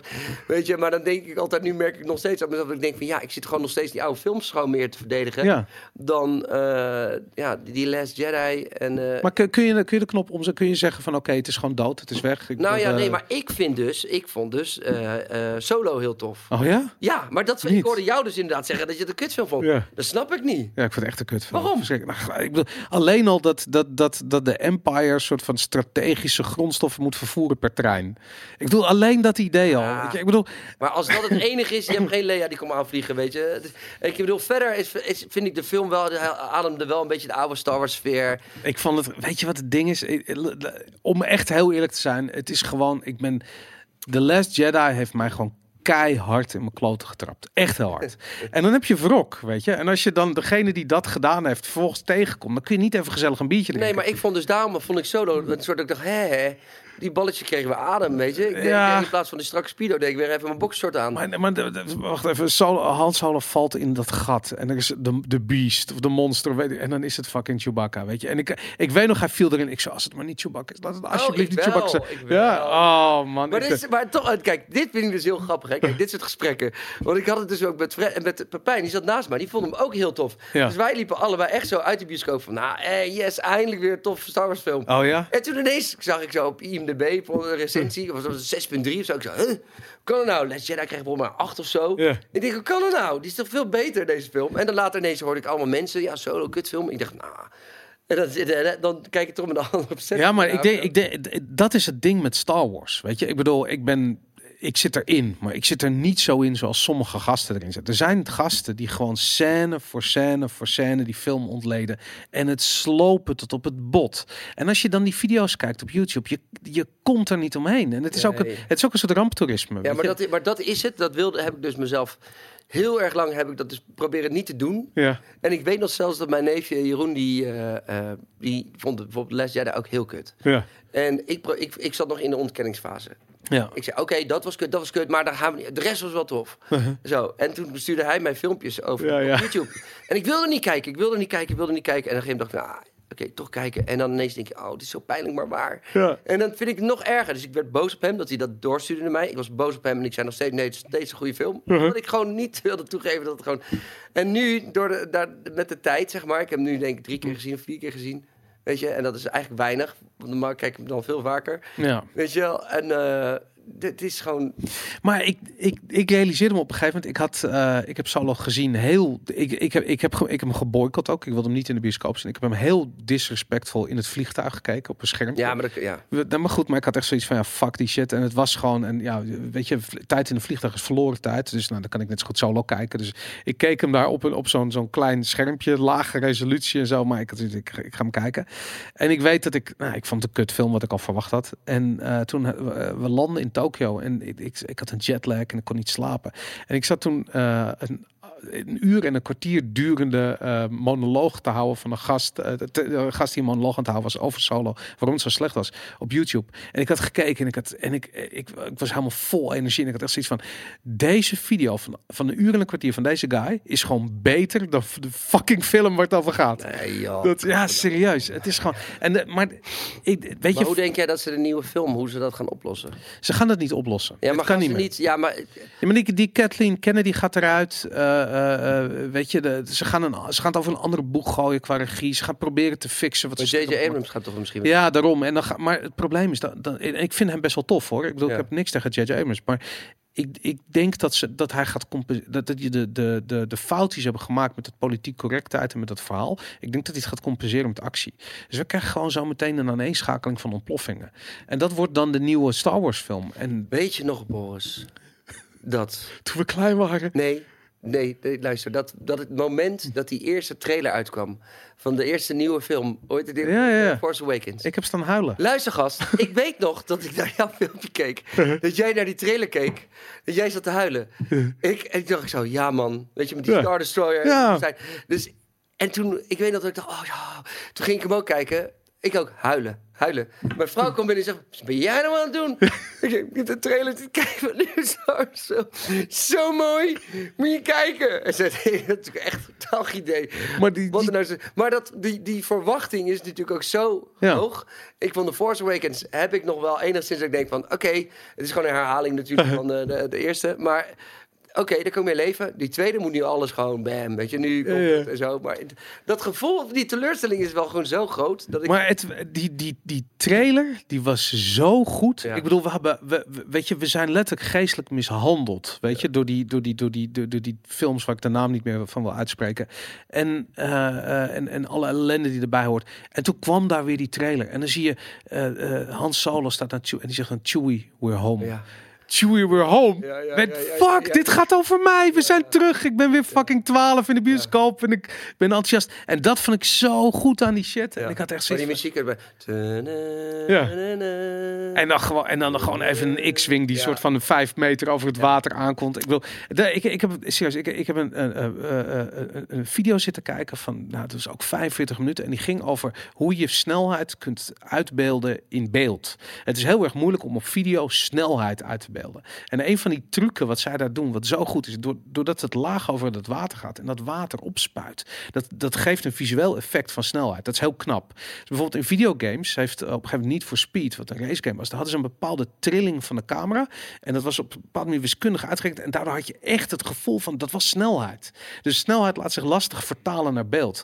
Maar die gasten hebben het geperfectioneerd, weet je. En ik denk van, maar dat is gewoon die knowledge. Dat is, als je Star Wars Dat maakt, is dan het moet beste je... van de film. Daarom, nee, maar serieus, dat is het beste van die film. En dat zat in die, dat zat in die trailer. Dat was het. Ja. Die trailer was alles, man. Wil je nog een biertje? ja, doe maar ook een beetje water erbij. Oh, kijk, ja, natuurlijk. Daar, daar hebben we het voor natuurlijk. Kijk. Maar ja, goed, het is, het, is, het is jammer. Het, het is gewoon de, de verwachtingen nu naar een nieuwe film zijn natuurlijk nu eh, naar beneden geschroefd. Het kan eigenlijk bijna niet meer fout gaan, eh, niet meer goed, Goed gaan, nee. Het is maar, toch wel eh, stuk. Maar ja, het is, dat, dat is het ook. Maar oké, als, je dan, als je dan kijkt naar die laatste films, Last Jedi, Force Awakens, of die eh, 1, 2 en 3, zeg maar, de, die, die, wat, wat vind je dan erger? Maar, maar dat is een. Nou, eh, eerlijk gezegd. ehm, ik, ik, vond, eh, eh, ehm, ik vond Rogue One vond ik nog wel leuk. Daar heb ik echt wel om gena- daar heb ik gelachen. En het was leuk, het was tof. En gewoon die. Maar daar zit ook één scène in wat ik ook verschrikkelijk vond. The Jedi is one and the one is with me. The Jedi is one... Zo zegt hij dan die Chinees. Force ja, ja, ja. I'm one with the force, ja. Uh, ja, en dan loopt hij door al die kogels heen. dacht ik, zo, gast, je bent niet eens een Jedi, weet je. Maar dat was de grap natuurlijk. Ja, weet ik, Hij was een leuke comic relief. Oh, ik, ja, ik vond, maar Ja, ik, ja, nou goed, ik, ik, ik trok het daar nog wel. Maar die, eh, ehm, nee, je, je, je- eigenlijk was hij op het randje, maar hij was nog, ik had nog, ik was nog niet daar dat ik het haatte. En bij The Last Jedi was dat wel gebeurd. Dat Ja. haat ik echt. En nu ben ik er klaar mee. En nu, laat ik zo de verwachting waarmee ik bij de volgende film ga zitten. En, en ja, ik bedoel, Disney is dit gewoon aan het uitmelken. Maar, maar moet je je voorstellen, hè, kijk. Ik ben dus echt een diehard fan, weet je. Ik heb, eh, ik, eh, ik heb dus ook hele, ik heb een hele bijzondere collectie van Star Wars popjes.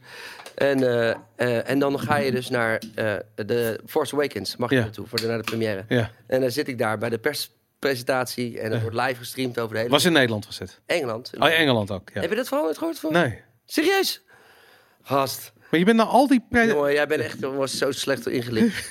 Godsamme. staat niet op je Wikipedia. Nee, Wikipedia gelezen. Nee, kijk. ehm, dus ik werd uitgenodigd door Boulevard om naar de Force Awakens te gaan. Nou, dat was natuurlijk helemaal te gek. Ja. Eh, toen was nog geen sprake van eh, Mark Hamill. Of, eh, maar goed, die anderen waren dat natuurlijk wel. Ja.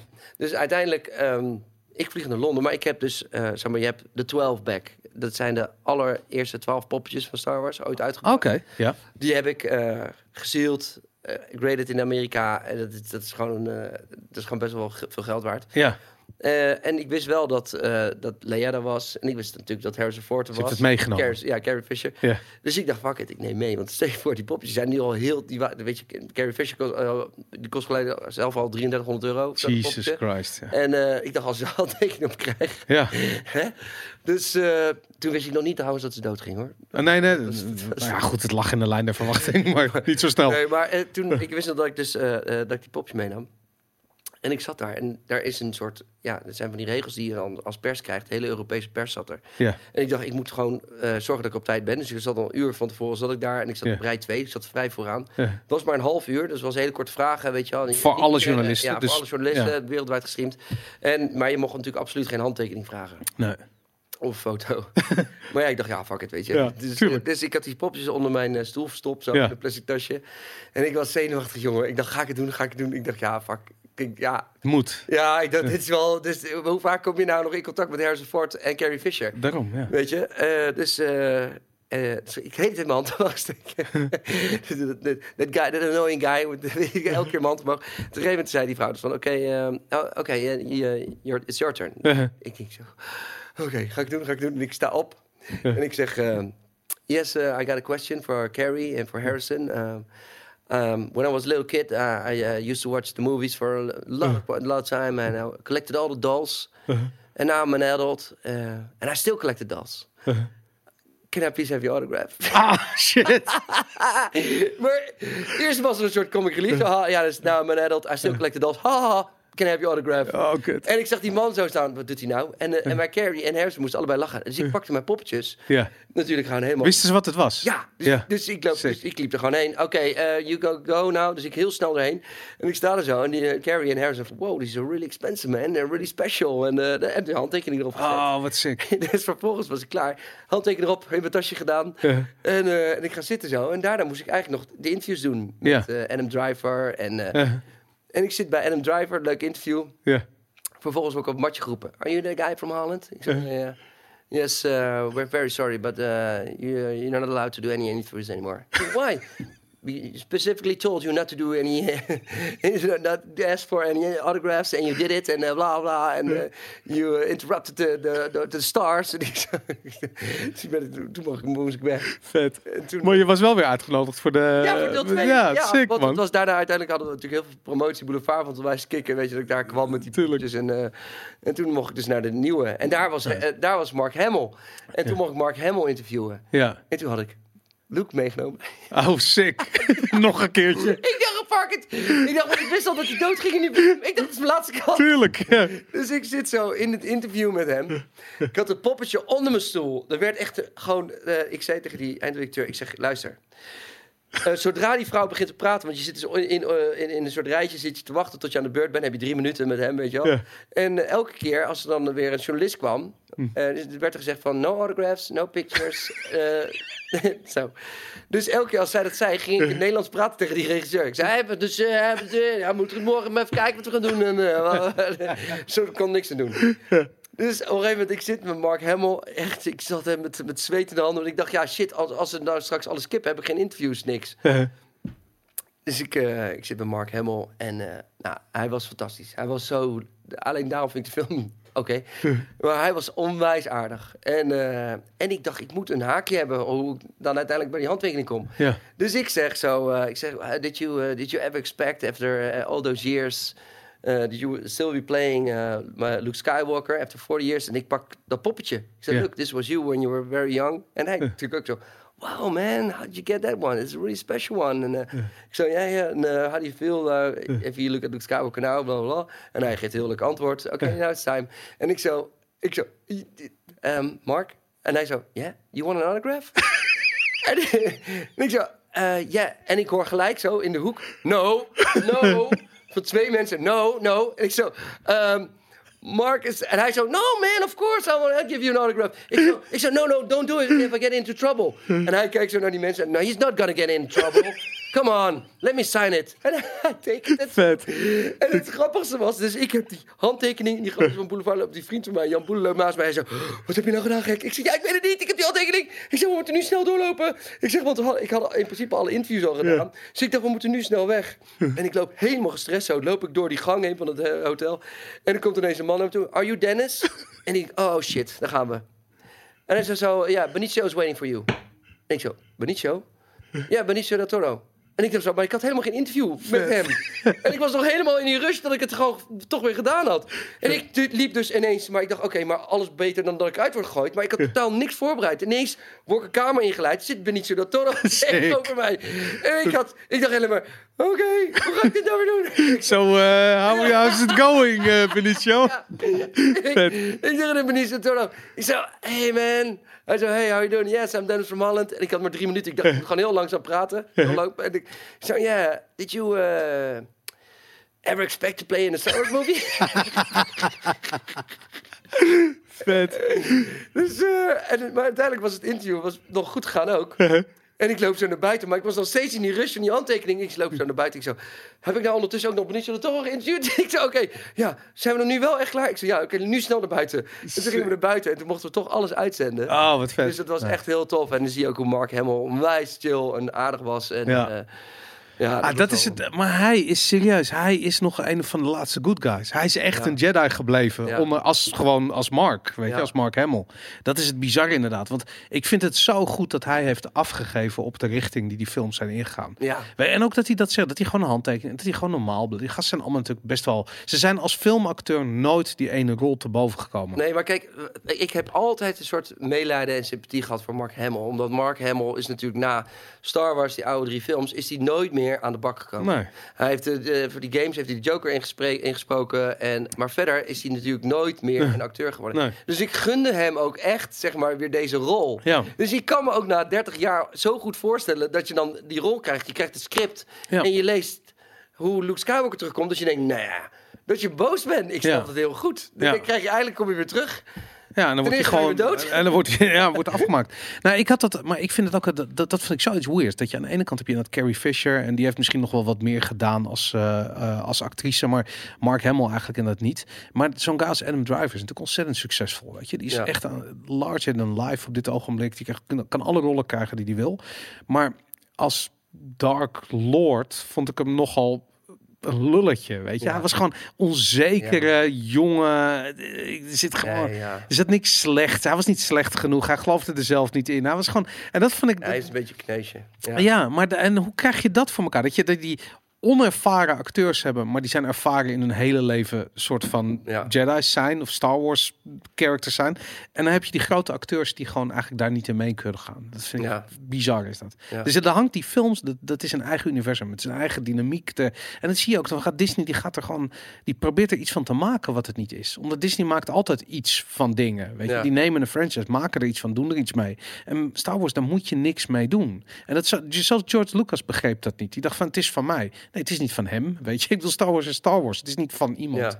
En hij dacht, het is van mij. Ik kan Jar Jar Binks, ik doe wat ik wil. Maar nee, de, de wereld trekt het niet, weet je. Ja. En, dat, eh, en dat is zo bizar bij Star Wars. Ik ken, ik ken geen andere film of serie of wat dan ook die dat heeft. Nee. Dat, ehm, ja. Nee, nee, dat klopt. ja. Maar goed, je hebt, je hebt ze wel ontmoet allemaal. Dat, en Carrie ja, dus dat, dat, eh, dat, was een, dat was natuurlijk wel echt fantastisch. En ook om te merken dat ze gewoon echt heel aardig waren. En weet je wel, leuk. Die interviews waren grappig. En dat is gewoon een mooi verhaal, weet je wel. Dat ze... Dat, eh, Ja, ja fucking fantastisch man. Dat, eh, Ja. maar, je- maar goed, je gaat een, eh, je gaat een programma maken met, eh met Fabergé over, over, over Star Wars. Ja, we gaan gewoon kijken ja, over Star Wars en over, weet je, en het, want het is natuurlijk wel grappig hoe dat zo leeft bij mensen en hoe, Mhm. zoals jij dan, weet je, zegt dat Solo zo'n kutfilm is, dat ik, dat ik dan bijna een soort boos word en. Maar het, je hoort, het hoort, het hoort. Het is, het is, Ja. Ik bedoel, er is niemand van onze generatie bij, van wie Star Wars niet een stukje identiteit is. Ik bedoel, ja, ik weet niet hoe het met jou zat, maar ik was te jong om eh, de eerste Star Wars in de bioscoop te zien toen die uitkwam. 78 was dat. Nou, toen was jij één. Was Ja. ik, was ik eh 78 was ik vijf jaar oud. Dat was, dan ging ik niet naar, de, naar zo'n film toe, Nee. bij wijze van spreken. Dus ik pas toen eh, ehm, Empire Strikes eh, Back uitkwam, heb ik die allebei eh, in een bioscoop op het Rembrandtplein in Amsterdam. Die lieten ze na, tegelijkertijd zien. Kon je naar twee films gaan. En mijn vader die ging gewoon mee. En die zat gewoon de hele film, de ondertiteling aan me voor te lezen. Want ik was, ik kon geen Engels en ik was Ja. te jong om te lezen. Dus dat blijkbaar was ik toen een jaar of acht zoiets dat ik dat blijkbaar. eh, Ja, 1983 was eh, Empire. Dus dan was jij, jij was zeven, nee, meer, Ja, zeven of acht dan. Ja, en de vijf was ik, was ik acht jaar oud. Dat klopt inderdaad. Ja. Ja. heb ik, toen ik acht was, heb ik, z- zat ik gewoon drie uur in de bioscoop. En mijn vader die de Ja. film zat voor te lezen aan me. was dat, je eh, achter, kon je nog steeds niet lezen. Ja, ik denk het. ja.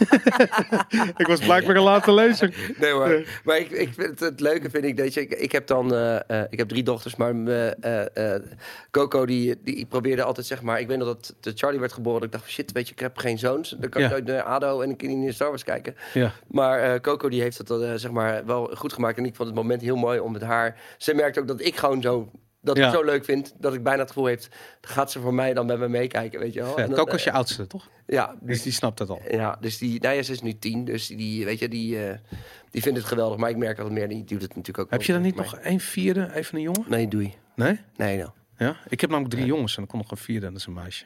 Ja, Dus ik heb, ze, ik heb precies tegenovergestelde. Maar goed, nou ja, ander verhaal. ja. Maar eh, nou, nice man. Hey, en, ehm, eh, maar, maar eh, concreet, wanneer, eh, wanneer gaan jullie beginnen? Of is dat eh, nog... Eh, we, gaan nu, we hebben nu net eigenlijk een go gekregen op, eh, op het feit dat we het mogen gaan draaien. ja. Eh, dus we gaan nu een pilot draaien.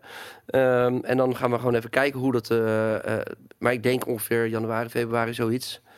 Maar ehm, ja, dat laat ik, laat ik natuurlijk zo, zeker wel even weten. Tof, ja, leuk man. En misschien kunnen jullie hier eh komen vertellen over wat Ja. gaan. eh, want ik, vind- ik moet je eerlijk zeggen, ik vind de. eh, eh, ik weet niet of je veel podcast luistert, maar voor mij is een podcast een echte de, de ontdekking van het jaar gewoon. Ja, nou, ik zit wel veel in de auto. Dus,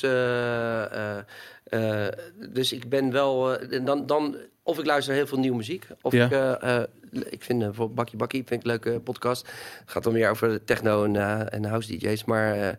Eh, ehm, en ik merk wel dat het ook wel een soort rustig is. Lekker, je zit in de auto en de tijd vliegt wel voorbij. Ja, En ik heb ook wel het idee, eh, daar bij mij op het nieuwe kantoor staat ook een ruimte om podcast op te nemen. Dat ik misschien ook wel weer gewoon even een soort muziekpodcast wil maken over de. doe het. Dat moet je doen. Dat moet je ja. echt doen. Ja. Gewoon weer even, ik vind het wel weer leuk door deze hele situatie dat ik weer tijd krijg om dingen te doen waar ik. Eh, weet je, ik ben weer met mijn band aan het spelen. Eh, ik heb weer een nieuwe band eindelijk weer. En ik heb, Hoe heet eh, hij? eh, dat weet, dat weet ik niet. We kwamen met hele, hele erge bandnamen, ga ik maar niet zeggen. En ehm, ehm, eh, dus band ben ik weer mee spelen. Dus ik kan nu dit ding gaan doen met Pepijn. En ik en in zo'n podcast, weet je, praten over muziek. Weet je, dat is gewoon weer wat ik vroeger deed bij 3 voor 12. Mm. Weet je, dat soort dingen wil ik gewoon weer doen. Het is Ja. gewoon weer...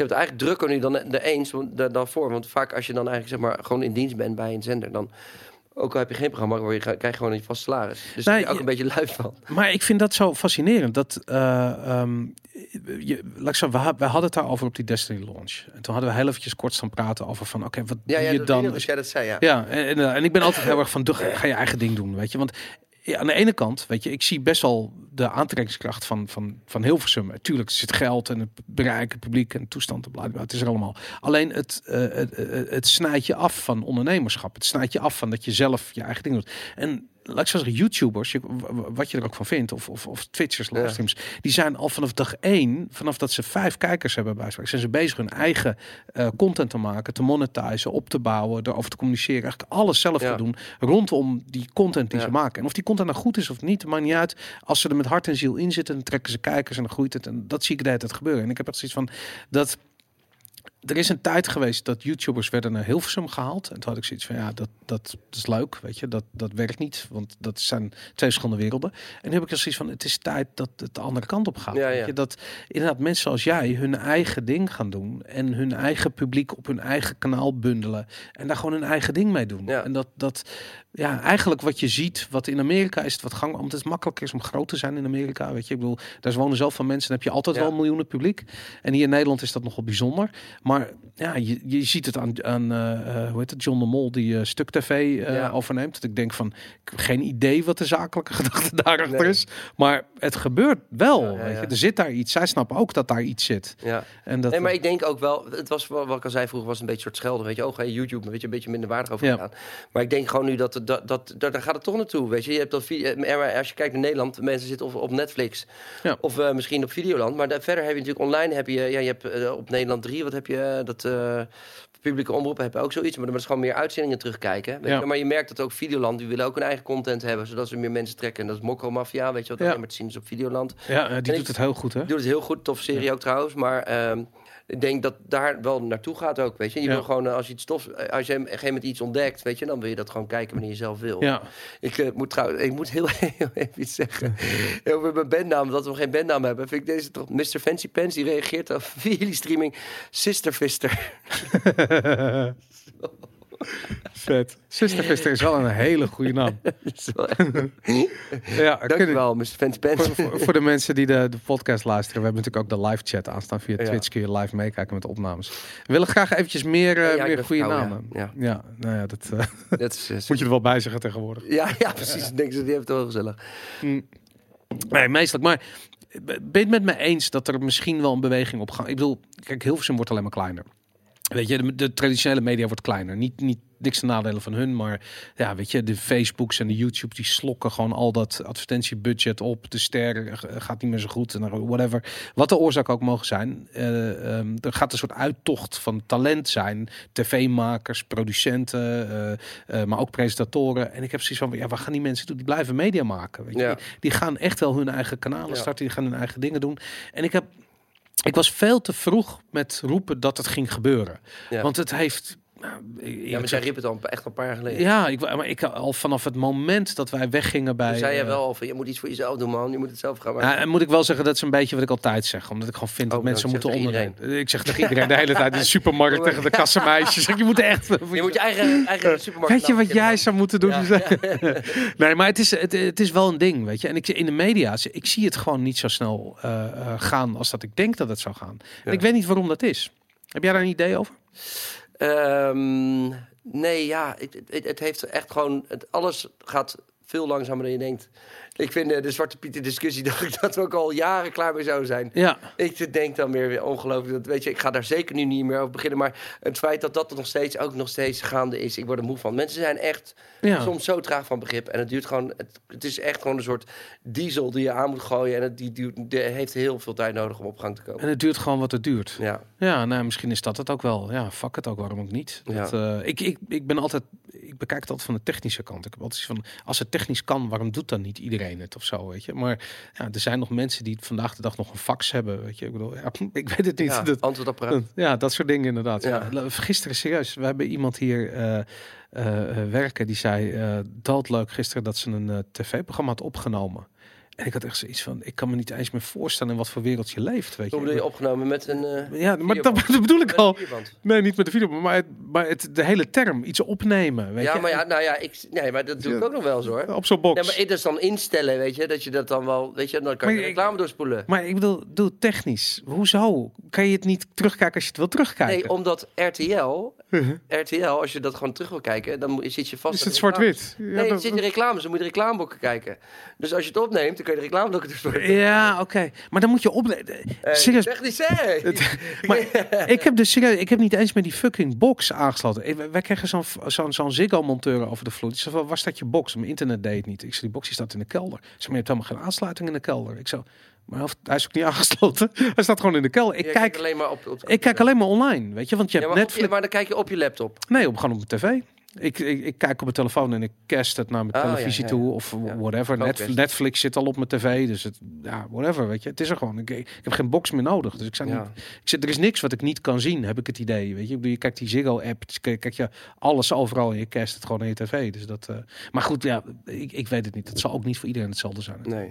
Maar dat, eh, maar eh, als ik zou voor kunnen stellen. Kijk, ik heb altijd zoiets van yes, weet je, Dennis die gaat zijn eigen kanaal beginnen. Dat, dat gaat zo meteen wat worden. En dan gaan andere mensen dat zien en die hebben zoiets van, ah, dan gaat die ene gaat een eigen kookprogramma beginnen en die gaat een eigen reisprogramma beginnen online. En Floortje eh, Dessing die eh, eh, die zit al in Wit-Rusland eh, te livestreamen voordat je kunt verzinnen dat het een programma gaat zijn bij wijze van spreken. Ik bedoel, dit, gaat toch gebeuren?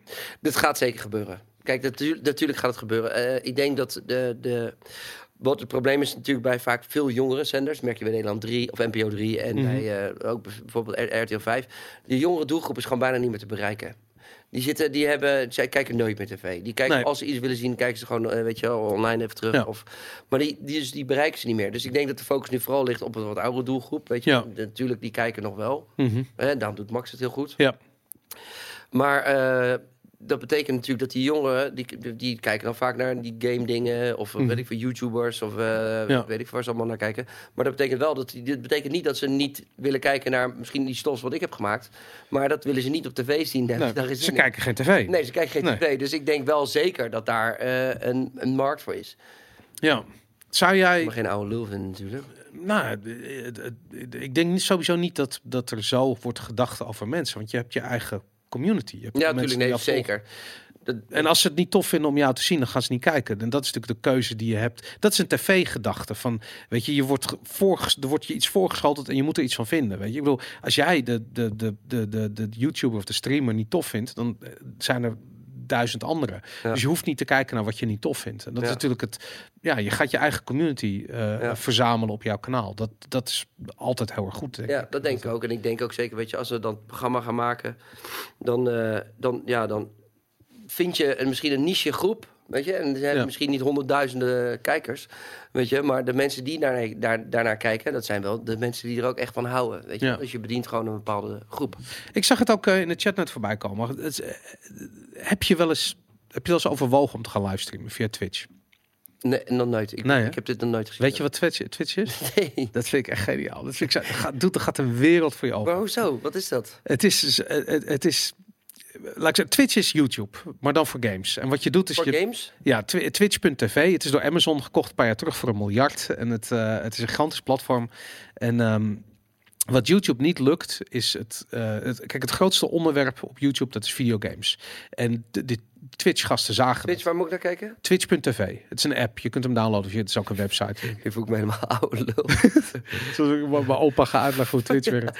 Oh, Fortnite. Is het dat? Is dat Ja, Fortnite is een game die is populair. Dat wordt bijvoorbeeld dit. Maar eh, als je nu naar eh, twitch.tv slash gamekings gaat, dan kun je kijken naar onze livestream die we nu aan het doen zijn. We gaan, ik, Oh, ga gewoon? Ik ga gewoon live eh, eh, Twitch uitleggen. Oh, nee, zo leer ik ook nog eens wat. Ja. Kijk, daar zijn we. Oh ja, Moet kijken. 16 plus. Kijk, Oh jezus, daar zijn we. Dit zijn wij. Ja. Ik dan ook zien, eh, Als je goed. Kun je ook zien hoeveel mensen er kijken. Als je, er, als je erop klikt, dan zie je hoeveel mensen er kijken. Hey Dennis. Ga je al- ja. Dennis, hey, King Red Bed, hey. Dit is Dit? Twitchception. Ja. Ja, dit is ook goeie. Dankjewel ZMI. Dennis heeft als excuus dat ik kan zeggen dat hij onder een steen heeft gelegen op een onbewoond En dat heb je ook gedaan. Oh, Ja, Dennis, jee. Ja, ze vinden het Oh, tof. Grappig zeg. Ja, ja. 500 Deze eh, kijkers. Ja. Ja. Maar goed, maar dat, dit ding, ik bedoel, jij zit op de bank en je bent aan het gamen, of met nog iemand anders, je bent aan het praten, of dit, je bent een podcast aan het doen, of je bent je tv aan het op, of weet je wat nog beter, je loopt over straat Ja. in eh, eh, een dorpje op een onbewoond eiland, waar jij eh, zo aan het livestreamen bent. Ja. Maar het bizar is, ik, ik heb een discussie gehad met, ehm, eh, eh, met, met Ruben, met wie we Mhm. Blammo hebben samen. En die op een gegeven moment moesten we nieuwe camera's kopen. En het was best wel een grote uitgave. Maar zei, moeten we dat nou? Moeten we... En ik had echt zoiets van, doe het over vijf jaar. Dan is dit, is je, je monteert erop, je filmt ermee, je doet er Ja. alles mee. En hij had echt zoiets van, nee, no way. En we zijn er bijna. Door wij, gingen, wij deden live producties vanuit LA. En dan hadden we eh, camera's aangesloten op laptops, op streamkastjes, die gebundelde 4G-signalen. Tegenwoordig, het is gewoon dit. Ja. Fuck het, weet je. En je, je, je bent gewoon live. En ook via Twitch. Het categorie het IRL, in real life.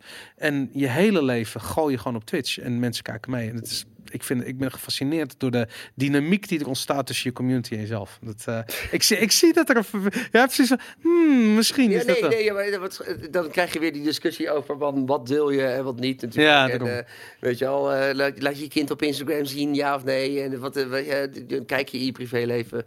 Dat is natuurlijk. eh, Ja, ik zou, dat zou ik niet zo snel doen. Maar ik denk dat je dat gewoon, dan moet je een grens trekken. Maar bijvoorbeeld als je aan het oefenen bent met je bandje, doe het is het geweldig. Er kijken gewoon 100 man mee, 200 man mee. Ze willen dat allemaal zien. Je hoort toch niks, want die audio gaat helemaal kapot op die, ja, op, op de, oh, over zijn klopt. telefoon. Maar Oh. maakt niet uit. Maar het is gewoon tof, weet je. En dat, eh, moet je een eigen kanaal maken, Twitch. ja, dan, eh, twitch.tv slash Ja, Dennis. nee. En dan zoiets. Ja, nee, dat, check het maar. Nou goed, het, als je vragen hebt, dan weet je Donderdagavond. Hey, nog even over, ehm, Expeditie Robinson. Ja. Je bent eerst deelnemer geweest, toch? Voordat je het ging presenteren. Mhm. En ehm, hoe is dat? ik, ik wil echt... La, ik, weet, ik wil weten hoe het is. Ja, vertel, vertel me jouw versie. Ik moet pissen, man. Oh nee, ga pissen. Dat kan, gewoon. Je kan, echt? ja, natuurlijk. Je kan gewoon Oh, ik- pissen. ik Het live maakt niet uit. Dan kan ik even nadenken over hoe het was. Hè? Ja, ja, vertel jij zo. Vertel jij even ja. een mooi verhaal Nee, we gaan gewoon wachten. Gewoon even tot je klaar bent met pissen. Dat kan gewoon. Kijk. Doen we gewoon niks mis mee. Ja. We, wachten gewoon tot, eh, tot Dennis terug is. Ja, heel snel pissen. Ja, dat kan. Ja, de schuifdeur gaat open. Dennis rent naar het toilet. Dat kan gewoon. Nee, ik ga niet in Expeditie Robinson, jongens. Ik zie eh, in de chat wordt dat, eh, dat gezegd. Maar ehm, ik ben wel een keertje geweest op de plek waar Expeditie Robinson werd opgenomen. En toen heb ik een paar mooie verhalen gehoord van mensen. Dus ehm, ja, dat, ik denk dat ga ik zo meteen even aan Dennis vragen. Wel benieuwd. Doen we nog een gekke Sint- of kerststream? Vraagt Dani T24. Nee, dat gaan we niet doen, denk ik. Een gekke kerststream misschien wel, maar een Sint-stream niet. Ik heb een beetje het idee dat Sinterklaas een beetje, dat is een beetje dood. Dat is een beetje geweest. We gaan wat meer richting kerstmis, denk ik. Ja. Wel een toffe gast, die toffe gast, zegt Mimi KK. Ja, toch? Gezelligheid. Ga ik vanavond weer streamen? Ik denk het niet, jongens. Morgen misschien weer. Sinterklaas is dood. Ja, Sinterklaas is dood. Het is echt waar. Volgens mij al 300 jaar of zo. Zo. Kijk Ik eens. heb alleen mijn handen niet gewassen. Ja, oh, ja, dat zeiden ze wel in de chat net. Het is heel Oh. belangrijk. Oh ja. Krijgt hij. Jezus. nou, dat is het helemaal niet meer. Eh, dames en heren, welkom bij Twitch. Hier is uh, Nerd Culture. Dat audio is even uitgevallen hier zo. Oké, ik ben er weer. Ik moet zeggen dat het audioprobleem wel opgelost is wat ik net had. Dus Echt? dat, ja.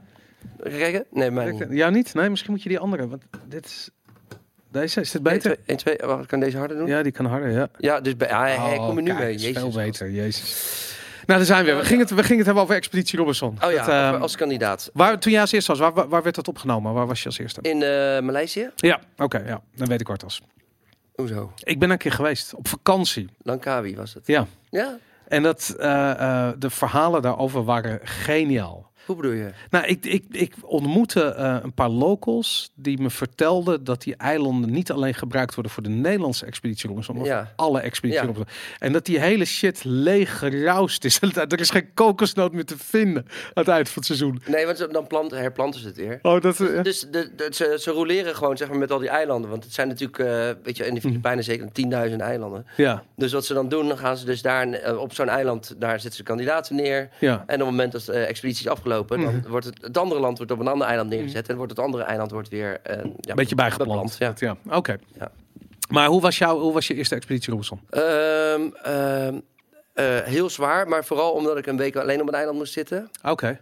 En ehm, Echt die, die, dat je tegen die basketbal gaat praten? Nee, dat, dat, nou, ik kijk niet echt tv, maar ik het stond wel op je Wikipedia. God. Goed. Eh, ik heb een week, een week alleen op een eiland gezeten. En dat is voor iemand zoals ik, eh, die eh, ik ben eigenlijk best wel. daar kom je dan zeker achter dan dat je toch wel eh, afleiding nodig hebt en je moet dingen doen en ik wil ook wel mensen om me heen en gezelschap. Ja, Dus die week alleen op een eiland was echt verschrikkelijk. Het was een heel klein eilandje ja. Eh, waar je echt verder niks kon doen. Echt een soort van, je loopt er een uur omheen, dat, dat soort Nee, klein. niet eens. Nee, het was, het was gewoon 30 vierkante meter eh, klein. Het is gewoon een eenzame Nee, opsluiting. het, was dat- gewoon, ja, het was echt een soort. eh, er stond een oud verbannen vissershutje. waar ik dan op kon sla- slapen. mits ik dan wel zeg maar, dak zeg maar, goed kon fietsen.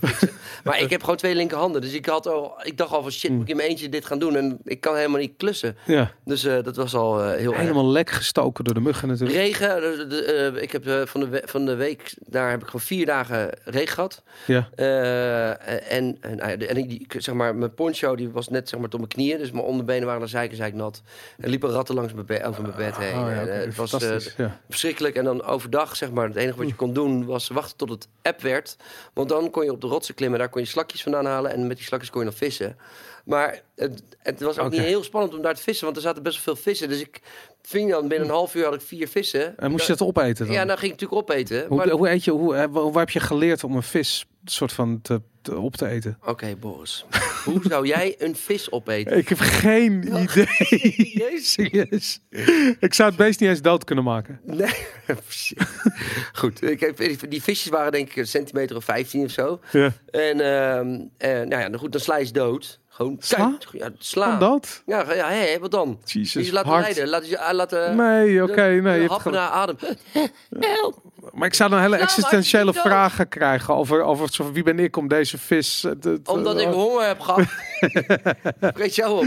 Oké. Eh, dus, eh, dus die vis die, eh, die, die sla je dan dood. En dan vervolgens, omdat die vissen niet heel groot waren, kon je Ja. gewoon eigenlijk zo in de pan gooien. Ja. En dan kon je gewoon zeg maar de buitenkant, kon je er zo, eh, eh, het velletje kon je eraf Bakken trekken. bedoel je, je bakte het. Bakken. Met boter, de olie, maar kokosolie. in de gewoon olie. Stond een, Dat was er wel. Ja, Oké. dus een klein beetje olie. En, eh, en, eh, ja, en zo gingen we dagen. Dus had ik weer visjes gegeten en dan zat ik weer te wachten. En eh, ik had inderdaad een, Hoeveel vis eet je, eet je op een dag? ja, vijf of zo. Zes. Vijf van dat soort visjes? Ja. Oké, nou goed. Ja, en op een gegeven moment komt het ook wel een beetje Ja, neus uit Er zit geen saus en geen kruiden, Nee. niks.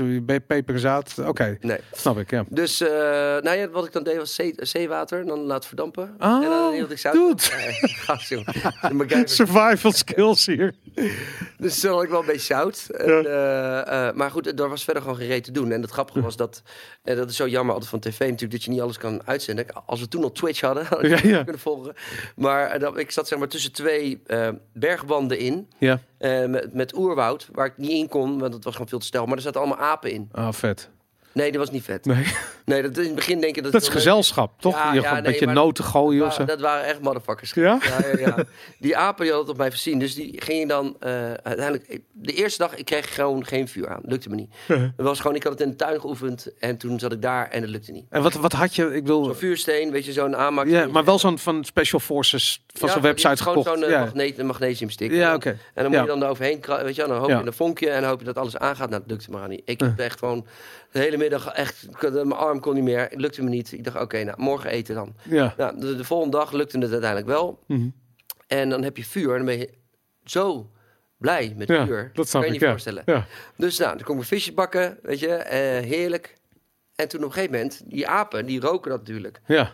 Dus die eh, renden dan al, s'nachts, als ik dan in een vissenheutje liep, renden ze van de ene kant van het eiland naar de andere. En dan hoor je, en dan rennen ze zo langs het bed. Maar dan schrik je al helemaal de pleuris, dus je kan al bijna niet slapen. Je had niet een deur of zo. Je ligt gewoon op houten planken, weet je. Ja. Je ligt al echt heel erg. Je wordt om, de, om een half uur wakker, omdat je gewoon pijn in je rug hebt, dan weer pijn in je schouder. Dus, en, dan, eh, en eh, je hoort alleen maar geritsel. En het, Mhm. dat, is, dat is gewoon niet, niet, bijna niet te doen. En dan heb je ook nog regen. Ja. En die apen. Ja. Dus ik had mijn vuur voor het eerst. En toen op een gegeven moment, ik had, stond zo boven het vuur, die wok aan. dacht ik, shit, als het nou vanavond gaat regenen, Mhm. dan gaat het vuur uit. Dus ik had die wokpan omgedraaid en zo boven op het vuur gezet. En dan hout opgegooid, dat het Ja. lekker bleef smeulen. En toen op een gegeven moment, eh nou, dan kwamen zo die apen. En toen eh, lag ik in bed en dan hoorde ik ineens zo... ah, ah, dan rennen ze langs. Ik zo, oh, als ze maar niet die wokpan omgooien. Natuurlijk. Serieus, hè? Ja. En dan op een gegeven moment weer... ah, ah, en rennen, jongen, pam. En ik hoorde pang, hop. Echt, maar eh, serieus, hè? Hoe dat dan werkt in Het is kop van die pikdonker apen. natuurlijk. Ze gooien pleuren gewoon expres mijn wokpan om. Serieus. Ik zo, nou, ik dus in het donker, weet je wel, ik heb geen lichtje, niks. Ik zo denk, nou, ik schel op je apen, jongen. Dus ik uit het bed zo en dan uit mijn hutje, want ik zag een meter boven de grond, alleen mijn heremietkreeften onder me, heel groot. Zo hoorde ik zo kraak, kraak, kraak. Oh. Die heremietkreeften op zoek naar mijn wokpan. en als maar dat vuurtje maar niet uitgaat, ik die wokpan weer erboven gezet. En uiteindelijk, uiteindelijk nog net gere- gered. En op een gegeven moment de volgende dag, ik dacht, oké, nou, die apen, jongen. Het was een soort echt, was een fitty. Ja. Gewoon real. Persoonlijk. Was persoonlijk. Geen moment, die apen waren steeds, werden steeds brutaler. Want ik was in mijn eentje. Ja. In het begin waren nog, was er nog een kamerploeg bij. Maar op een gegeven moment vonden ze het leuk om mij echt alleen te laten. Love the jungle. Superleuk. Ja. Ik helemaal mijn eentje. En eh, dus ik zit, eh, eh, zit, zit daar en ik heb kokosnoot gevonden. Fucking blij. Kokosnoot. ik nou, ik weet niet al lang over gedaan om het open te maken. En ik sta echt zo met zo'n geluksmomentje. Ja, kokosnoot de midden gehakt. Zo de ene helft. Ik dacht, de ene andere helft bewaar ik voor straks. Hè? Dus ik sta met die kokosnoot zo. En ik sta zo dat ding uit te lepelen. Te kijken naar de zon. En dat is een momentje dat ik dacht, ah, mooi hè Robinson. Super mooi. Van ben ik toch aan het genieten. En ik hoor achter me... Oh, rennen. En ik zie die aap. En hij rent zo naar mijn hutje. Pak zo die andere halve, eh, helft van die kokosnoot. Nou, jongen. En dan is er geen cameraploeg bij, hè, Nick? Nee. Dus je kan het ook niet... Niemand gelooft het. Dus ik zo... Godverdomme. En ik zo... ik dus achter die... Ik denk, nou zal ik je krijgen. Dus ik uh, die kokosnoot verstopt in mijn tas. En ik dacht, ik ga die andere helft terugpakken ook. Dus ik die oerwoud ingaan, naar boven geklommen. Nou jongen, het was niet te doen. Je mocht er eigenlijk ook niet in. Maar ik wilde gewoon, het was gewoon nu een... Uh, ja, het is persoonlijk. Ze hebben je kokosnoot. Beetje. Dus ik, dus ik naar boven geklommen. Nou jongen, ik onder de krassen en de schammen. En ik dacht, ik moet die, kook, die half kokosnoot terug hebben. Ik naar boven geklommen. Helemaal door de modder, bijna naar beneden gegleden. Uiteindelijk helemaal zei ik nat te zweten. En ik zie die kokosnoot liggen. Ik denk, ah, oh, daar ligt hij. En ik pak hem, leeg. Nee, Leeg. zo snel. Ja, Oh god. leeg. En ik weet zeker dat die apen in die boom zaten te lachen. Ja, natuurlijk. Zo naar mij kijken en niks zeggen. Allemaal niks zeggen. En alleen maar hadden we hem weer. Jezus. Ja, dat waren mijn avonturen daar. Meesterlijk. Ja. Maar eh, dat, wa- was dat de eerste keer dat je daar was? Was dat je eerste, eerste ervaring Ja. met alleen op zo'n eiland in de jungle? Ja? tuurlijk. Wanneer heb jij voor het laatst alleen op een eiland gezeten in de jungle? Nee, ik bedoel, nee, maar ik, ik- ja, weet je, ik heb echt zoiets van dat. Want je, je, bent, ehm, eh, eh, je bent gestopt vanwege het spel. Op een gegeven moment, je bent er zelf mee gestopt, toch? Je bent weggegaan op een gegeven moment. Nee, kijk. ehm, het, is een, het, is een, het is een lang verhaal, maar goed, we hebben, we hebben ja. nog eventjes. ja hoor. Oké. Ehm, eh, ehm, het, het Robinson, dat seizoen, was Ja. de eerste keer met BN'ers, zeg maar. Ja, En toen eh, zouden ze Robinson zouden ze eerder opnemen al. ja, De dengue-mug was uitgebroken in, eh, in Maleisië, in dat gebied. ja. Dat betekende gewoon dat die muggen, die leggen dan ook eitjes in al die proeven en al die eh, spellen, weet je wel. Ja. Dus al die, die, dat kon dus allemaal niet gebruikt worden. Dus de expeditie werd, geloof ik, een maand later verzet. En, eh, eh, en ja, dat weet je natuurlijk wel. Het moest natuurlijk geïmproviseerd worden wat meer. Weet je, Ja. de proeven waren niet zo spectaculair als dat ze nu zijn. Uh-huh. Maar daardoor kwam ik ook in de knoop met eh So You Think You Can Dance. Ah, oké. Dus, eh, je dus- moest gewoon terug. dus, ja, nee, maar dat was niet. Want ik werd gebeld door mijn directeur, toenmalige directeur. Die zei: Ja, hoe, Dennis, hoe ver wil jij komen? Ik zei: Ja, ik wil wel gewoon winnen. Ja. Ik ga voor de kill. Uh-huh. Ja, ja, want we komen nu eigenlijk wel in de knoop met So You Think You Can Dance. Dan mis je de audities. Oké. Ik zo, ja, what the fuck? Ik kan toch niet met dat idee, was geloof ik een dag van tevoren of zo. Die, ik moet die apen nog uh, Ja, maar, nee, maar, nee, maar, nee, nemen. maar dat was voordat ik ging beginnen Ah, aan de ja, ja, expeditie. ja. Dacht ik van ja, we, maar ik wil deze, dat was mijn droom om mee te doen. Tuurlijk, ja. Dus ik dacht ja, ik ga niet, ja, eh, natuurlijk ga ik winnen. Weet je? Maar dat moet natuurlijk helemaal niet in je kop zitten. Dat je dan al weet van, eigenlijk moet ik bij de samensmelting weg, want anders mis ik de auditie. Ja. Maar goed, dus ik probeerde dat ook eh, links te laten liggen. Vervolgens eh, moest ik dus een week alleen op het eiland zitten. Wat ik dus al net al beschreven was de hel. De Ja. complete hel. Het was zeven dagen, maar het wel zeven maanden. Ja. En dat had ik dus eh, uiteindelijk overleefd. En ik dacht, nu gaan we beginnen met de proeven en actie. En eh, weet je, ik heb Ja. mezelf wel bewezen dat ik dit kon. Ja. En vervolgens gaan we dus naar, ik ga naar, de- naar de andere team. En dat gaat ook goed. En daar we doen wat proeven, we winnen. En, en vervolgens komt de samensmeltingsproef. Dus we gaan met twee boten varen we met twee teams. En ik dacht, nou jongens, nu gaan we rennen over eilanden heen met de rugtassen en weet ik van bamboestammen en gooien en weet ik wat dan ook. En toen vaarden we zo tuk, tuk, tuk, met twee boten terug naar mijn eilandje. Nee. En ik zo, ik zo, wat de fuck gaan we hier nou doen? Hm. En we komen aan en toen eh, zeiden Evie en Eddie Zoe toen nog van... eh, ja, welkom bij de samensmeltingsproef. Jullie moeten hier blijven zitten totdat er, totdat er drie opgeven. Nee. Je had net een week op dat eiland Hallo. gezeten. Ik, ik dacht, wat is dit nou weer? Ik Je kon wel een rondleiding geven, maar... ja, maar ik dacht, ja, dit is dan... Nee, ik heb wel, weet je, Ja. dus ik dat, dat, en ik, het is ook mijn karakter dan. Dan ben ik eh opvliegend. Ja. En dan, maar ik voel me ook dat ik denk van, nou, ik vond het zo onrechtvaardig. En toen heb ik één fout gemaakt. Dat was dat ik toen wegliep eigenlijk van de camera. Ik was echt boos Ja. en heel erg verdrietig. Ja. Want ik dacht, oh, kunnen ze me nou dit nou aandoen, weet je? Ja. Ik heb dit net zeven dagen gedaan. Ik heb niks te bewijzen. Ik heb het al gedaan, weet je? In mijn eentje, weet je? En dan zit je met al die mensen daar op het eilandje. Niks te doen tot... En ik wist ook toen niet hoe lang de expeditie duurde.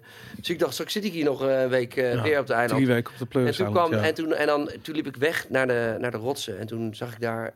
Toen kon de cameraploeg niet achter me aan. Ja. Toen moest ik onwijs janken. En dat Oh. is eigenlijk, eigenlijk mijn fout geweest dat ik nooit, nooit heb laten zien op camera. Maar ik was zo eh, verdrietig, omdat ik dacht van... Oh, dit is zo mindfuck voor mij alleen, weet je. Ja. Ik heb dit, die andere is dan nieuw. Die denkt, oh, leuk eiland. Ja. Weet je, Lekker boeien. klein. Ja, Maar voor mij was het echt een hoofdstuk die ik had afgesloten. En ik dacht, ik moet weer dat boek gaan open doen. Ja. Dus... eh, Nou, dat snap ik wel inderdaad, ja. Dat, eh, en, en dat was moeilijk. En toen, en ja, en, toen, en, en toen was het, jullie blijven hier totdat er drie opgeven. En toen dacht ik, ja, weet je, ik was gewoon, ik zat toen ook te veel in mijn eh, ja. moment. En toen dacht ik, ja, oh, nou ja, dan, nou, dan kan ik de audities nog doen. Of zo je denkt, is mijn, mijn directeur ook weer blij. En toen ben je gewoon weg. En toen ben ik naar huis gegaan. Maar ik weet nog wel dat ik op die boot stapte en, eh,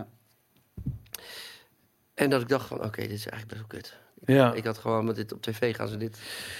Weet je, ik heb, ik heb het heel lang gekeken en ik heb altijd zo'n dubbel gevoel gehad bij die serie. Omdat ik ergens, je voelt dat als je het ziet.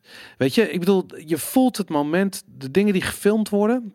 Wat, je- wat jij omschrijft met die apen, weet je, dat is de essentie van je, van spreken, van je, van je moment op zo'n eiland. Weet je, je bent daar, je bent op jezelf aangewezen. Dat is wat die show is. Ja. Maar daar zeg ik, ik bedoel, dan de volgende dag komt waarschijnlijk een uurtje de cameraploeg langs en moet je je verhaal vertellen. Maar de, het is moeilijk om een samenvatting te geven van iets wat je bij wijze van spreken in je, in je hart en je ziel is gaan zitten. Ja. Die avond daarvoor. En ik heb altijd gevoeld dat het raar was. En Ik, daardoor. vond het, ik vond het altijd heel jammer, weet je, want kijk, die dagen voor mij duurden zo lang. natuurlijk. Ja, En eh, ehm, dat in de uitzending ging het altijd, altijd over die andere kandidaat. En ik was een soort de comical note. Dus dan kwam ik terug in de uitzending, was ik maar, was ik maar vijf minuten in beeld eventjes. En dan zag je mij weer... Op een gegeven moment, ik verveelde me natuurlijk dood. Dus ik had een paar kokosnoten en dan zat ik dan op te trommelen. ja. En eh, dan had, ik had op een gegeven moment een soort van, eh, net als Castaway... Ik had zo'n volleybal met een gezicht op gemaakt. tuurlijk. Tegen wie ik aan het praten was. Wilson. Wilson, Ja. Ja. had ik gemaakt. En, Ja. en zo probeerde ik me de dag een beetje door te komen.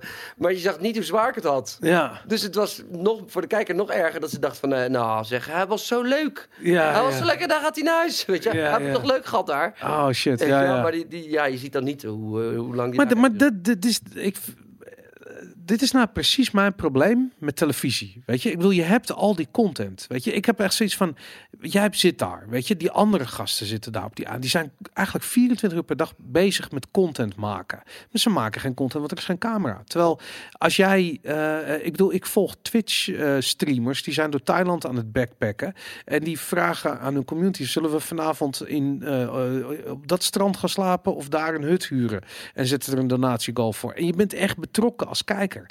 En dat, dan heb ik hier zoiets van: ja, wat zie ik inderdaad van een, een kort stuk, eh, een korte samenvatting van wat jij hebt meegemaakt. Terwijl wat je eigenlijk wil is gewoon zo'n hele periode meemaken met die kijker. Maar ook weer niet op die Big Brother manier waarbij er soort van opgezette ruzietjes en dingetjes en weet ik veel. Maar gewoon die kleine dingen, die observaties. Ik wil iedereen die daarnaar kijkt, die vraagt zich af van hoe is het om een week op een onbewoond eiland te zitten. Weet Ja. je? je hebt het gedaan. Maar hoe is dat verhaal terug? Ja, hier vertel je het. En waarschijnlijk waar je erover de kans krijgt om over te vertellen, vertel je dat verhaal. Maar in die show zit, zit, zit, Nee, zit zie een comic relief inderdaad. Ja. Dat is Ja. weird, man. Ja. Dat is echt weird. Ja. Dat, uh, zou je het weer doen, zoiets? Ik zou het nu alleen doen om, eh, weet je, want ik kreeg toen echt zoveel. Dat was toen ook echt in het begin van Twitter en zo. En Ja. ik weet nog dat ik eh, toen echt zoveel bakken stront over me kreeg. Dat ik echt, waar ik echt van schrok. Dat mensen Oh ja? Echt boos waren. En me Waar- zo lafaard vonden dat ik wegging. Oh ja, dat was echt... uh, Ja, ja, man, ja, man. Moet je je voorstellen dat ik toen twee jaar later het programma ging presenteren. Ja. Weet je? En eh, eh, Ja, want dat is, ik bedoel, dan ga je dat presenteren. Dan heb je die kennis, heb je meegenomen. Je weet dat daar mensen op een eiland zitten, die zijn daar allerlei soort van dingen ja, aan maar dat is juist goed. Ja? Ik vond het juist heel goed. Want ik, eh, ik snap eh, meer dan iemand anders, denk ik ooit. Ik bedoel, er, er is geen presentator van Robinson heeft ooit meegedaan. Ja. Weet je? En ik heb wel meegedaan. Weet je? Ik, heb, ik, heb het, ik had het liever op een andere manier. eh, Hoe vaak heb je het gedaan? Hoeveel seizoen heb je gedaan? Zeven. Zeven seizoenen gepresenteerd. Ja. Jesus Christ, man. ja, en dat- dat was negen jaar geleden. En dat was Filipijnen en bij Langkawi dus inderdaad. Dat, eh, ja, de laatste vijf jaar zitten we in de Filipijnen. Ja, oké, oké, inderdaad. En dat, maar ja, nou goed, het, het, het, ik, ik, vind- het, laat ik, vraag me altijd, wat is de essentie van de show, weet je? Waarom wordt het zo goed bekeken? En dan heb ik echt het idee van, het is, ik bedoel, we zitten hier in de fucking regen. Het leek ook wel altijd, wat altijd geprogrammeerd was, net in het najaar. Dat is natuurlijk ook een nieuwe tv-seizoen. Maar hier is het gewoon, het is dit weer. En waar wil je zijn? Ja, op een onbewoond eiland, op het, in de tropen, weet je? Dat is geweldig. Dus dat, die, die, die formule werkt gewoon heel erg goed. Ja, maar het is, het- ik denk dat het vooral zo is dat heel veel mensen zich afvragen hoe zou ik zijn als ik mee zou doen Ja. aan het programma. En hoe zou ik, zou ik, ben ik een survivor? Ja, Ja of nee? En weet je al, en eh, als ik mezelf tegenkom, op wat voor manier is dat dan? En eh ja. Ja, ik zou die vissen, daar zou ik een moeite, daar zou ik een week mee worstelen. ja, ik bent zo wel een beetje. Dan, eh, uh, poesie. Ja, dude, man. Het, ik vind een het... visje doodmaken. Ik zou het visje wel eten als het gewoon als in de vorm van kibbeling bij de visboer vandaan komt. Maar Echt om dat nou echt zelf dood te gaan maken. Echt? Zo'n vis. Man. Ja, nou, maar die leeft ook maar één Eh. keer, weet je. Ik heb een keer. Oh, wat was die shit met, die, met, die, met, de, met dat varken? Er was een keertje met ehm eh, Mental Tio. Die, die had een keer een varken op een speer doodgestoken. Een soort speenvarken. Weet je, kun je dat nog Mensen kunnen, eh, ik weet dat ooit de bij jungle. Robinson ooit hebben ze dat ook gedaan. Hebben ze ooit een keer een varken eh, losgelaten. Dat was dat, man. Ja. Ja, en eh, dat, daar, dat, daar, dat, dat kan echt niet. Weet je, ik, ik vind het altijd wel een beetje hypocriet. Ik snap wel dat het niet prettig is om naar Ja. te kijken. Maar mensen denken inderdaad, net als jij, van eh, vis, dat komt er gewoon in een, in een diepvries. Als het lekker bekje is, leg het in een pannetje te bakken. Hè? Maar ehm, ik vind het altijd wel mooi om te zien waar eten vandaan komt. Je hebt helemaal gelijk. Ik, in theorie. Ja, ja, nee, maar ik- in de praktijk. Nee, maar vissen en zo. Ik, ik, vind het, ik, vind, ik, ik vind dat juist mooi om. eh, ik weet dat ik ooit een keer een programma deed met Wiese Freddy ook van de jeugd. En dat we konijnen moesten schieten. En, eh, en niet dat ik dat zo mooi vond om te doen. Uh-huh. Maar ook daarna zelf ontleden, Ja. afsnijden. En ik ging bijna over mijn nek. En Freddy zat alleen maar te genieten ervan. Maar daarna eten en bereiden. Ja, Ja. je, het, moet, het is wel. Weet je, sta- ik vind dat goed om daar even bij Nou, ik, maar, maar ik heb eh, eh, heel veel. eh, laat ik zo zeggen, als je, als je het hebt over gezondheid en gezond eten, dan denk ik dat er qua vlees niks gezonders is dan een vers gevangen vis of een vers geschoten hert of een konijn of weet ik wel. Ik bedoel, dat beest leeft gewoon in de natuur. Dat, er zit er geen. Je vindt een vis hetzelfde als een hert. Ehm vreemd genoeg niet. Terwijl het, is, het zijn beide levende wezens, maar vissen staan toch iets lager op de ladder, dan denk ik dan. Ja, Toch? Ja. Een hert kan je aaien, zacht. Dat maakt een groot verschil. denk maar eigenlijk een, een vis of een mier. Nee, dan de mier staat nog lager, ja. Ja, maar het is wel mier. Als je kijkt gewoon hoe intelligent die zijn. Ja, ja, zeker. Maar het is groepsintelligentie. Hè? Dus er zijn er altijd nog 10 miljoen die dat, die dat, dat klusje kunnen klaren. Ja, Bij die herten weet ik dat niet. ja nee, goed. Ja. nee, ik vind het, eh, ja, het is raar. Het slaat helemaal nergens op. Maar er is een, er is een hiërarchie van dieren. Hoe zachter ze zijn. Nee, maar het heeft toch ook wel gewoon met intelligentie te maken. Ik bedoel, ik vind... eh, ik was vorig jaar in Indonesië en daar... eh, ehm, en dat was om aandacht te geven aan, het, eh, aan de palmolie. Oh ja. En aan het, eh, weet je, dat daar eh, al die oerwouden verdwijnen... en daar, daardoor de oetangs en zo. Ja. Toen reden we door een gebied waar hond op het menu stond. Weet je, D- dat is daar gewoon in Sumatra. ja, Daar, daar kan je gewoon hond eten. ik heb het al eens gedaan. Hij kan geen visje eten. Ik wist Je niet dat... een visje doodmaken, maar je kan wel hond eten. Nou, het was in Indonesië en ik wist niet dat het hond was. ja, oké. En ik proefde het en ik had zoiets van... Dit smaakt niet naar vlees wat ik ooit heb gegeten. Waar was dat dan in Indonesië? Eh, dat was op Java, was dat ergens. In de buurt van Yogyakarta, een klein dorpje. Eh, en ik loop achter dat... Het was echt zo'n straatstalletje. En ik loop naar dat straatstalletje en ik kijk er zo achter. En ik zie daar zo'n letterlijk een halve hond hangen. En ik had echt zoiets van... Dat vlees daarin? Hij zei, ja. Ik zo, oh god, het was smerig. Het was gewoon Het was sowieso precies... Het was gewoon precies wat je zou verwachten. Taai Ja. en het stinkt naar natte hond.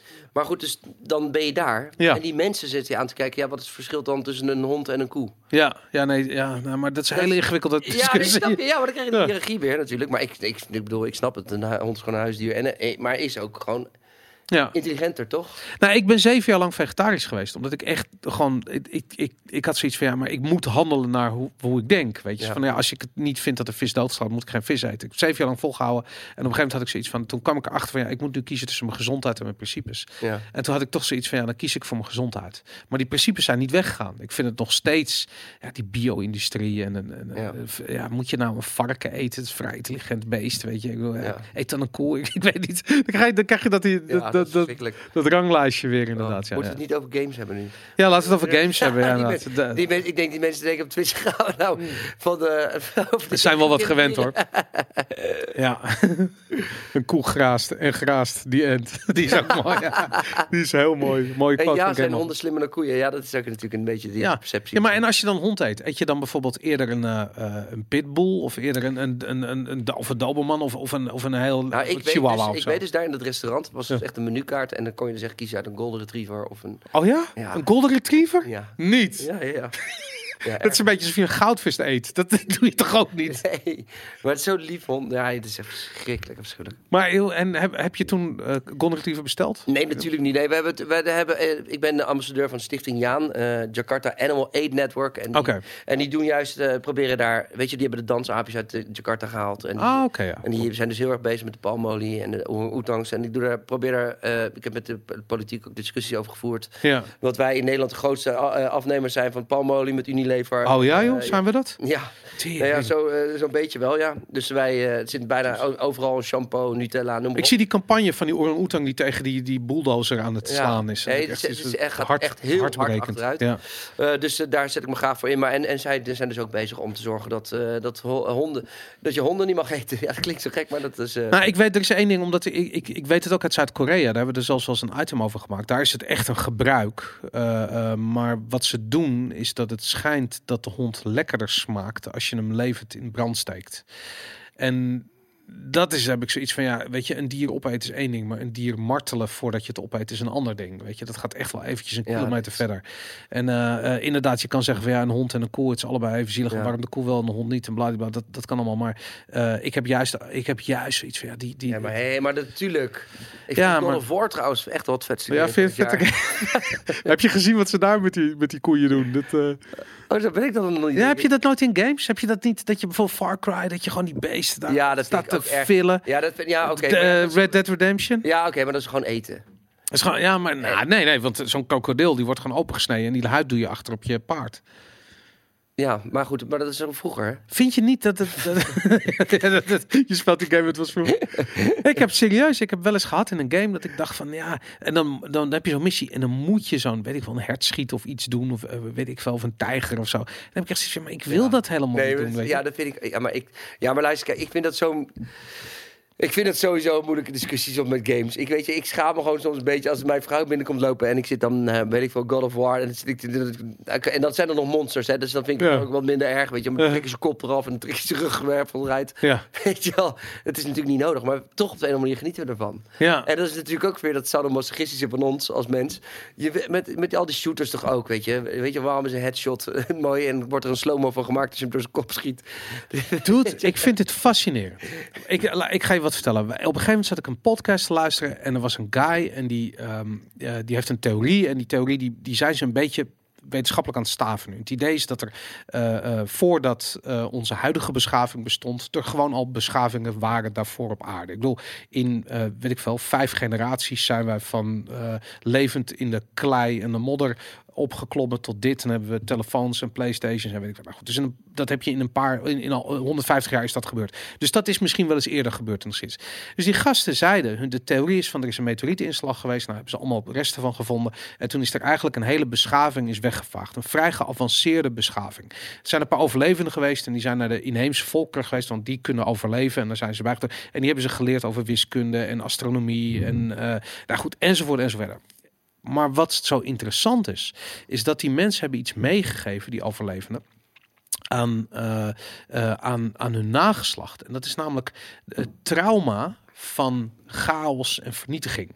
Dus er is een hele beschaving is, is, is weg. Stel je voor dat, dat de hele wereld die we kennen wordt weggevaagd en jij bent met nog honderd andere overlevenden. En je gaat dus jezelf, weet ik veel, je gaat die kennis spreiden, jezelf voortplanten, maar je geeft dat trauma, je gebroken hart van die beschaving die kapot is, dat geef je door. En het lijkt erop alsof videogames, ik bedoel, hoe ga je om met, met, met trauma? Dat is namelijk herbeleven en, en ja. Ja. dat her, opnieuw beleven. En het lijkt wel alsof wij in onze mediaconsumptie heel erg trauma aan het herbeleven zijn. Het zijn videogames, het zijn in horrorfilms, zombiefilms. Het zijn hele genres geworden waarin we als mens, weet je, door de ogen van de filmmaker fantaseren over de vernietiging van de wereld.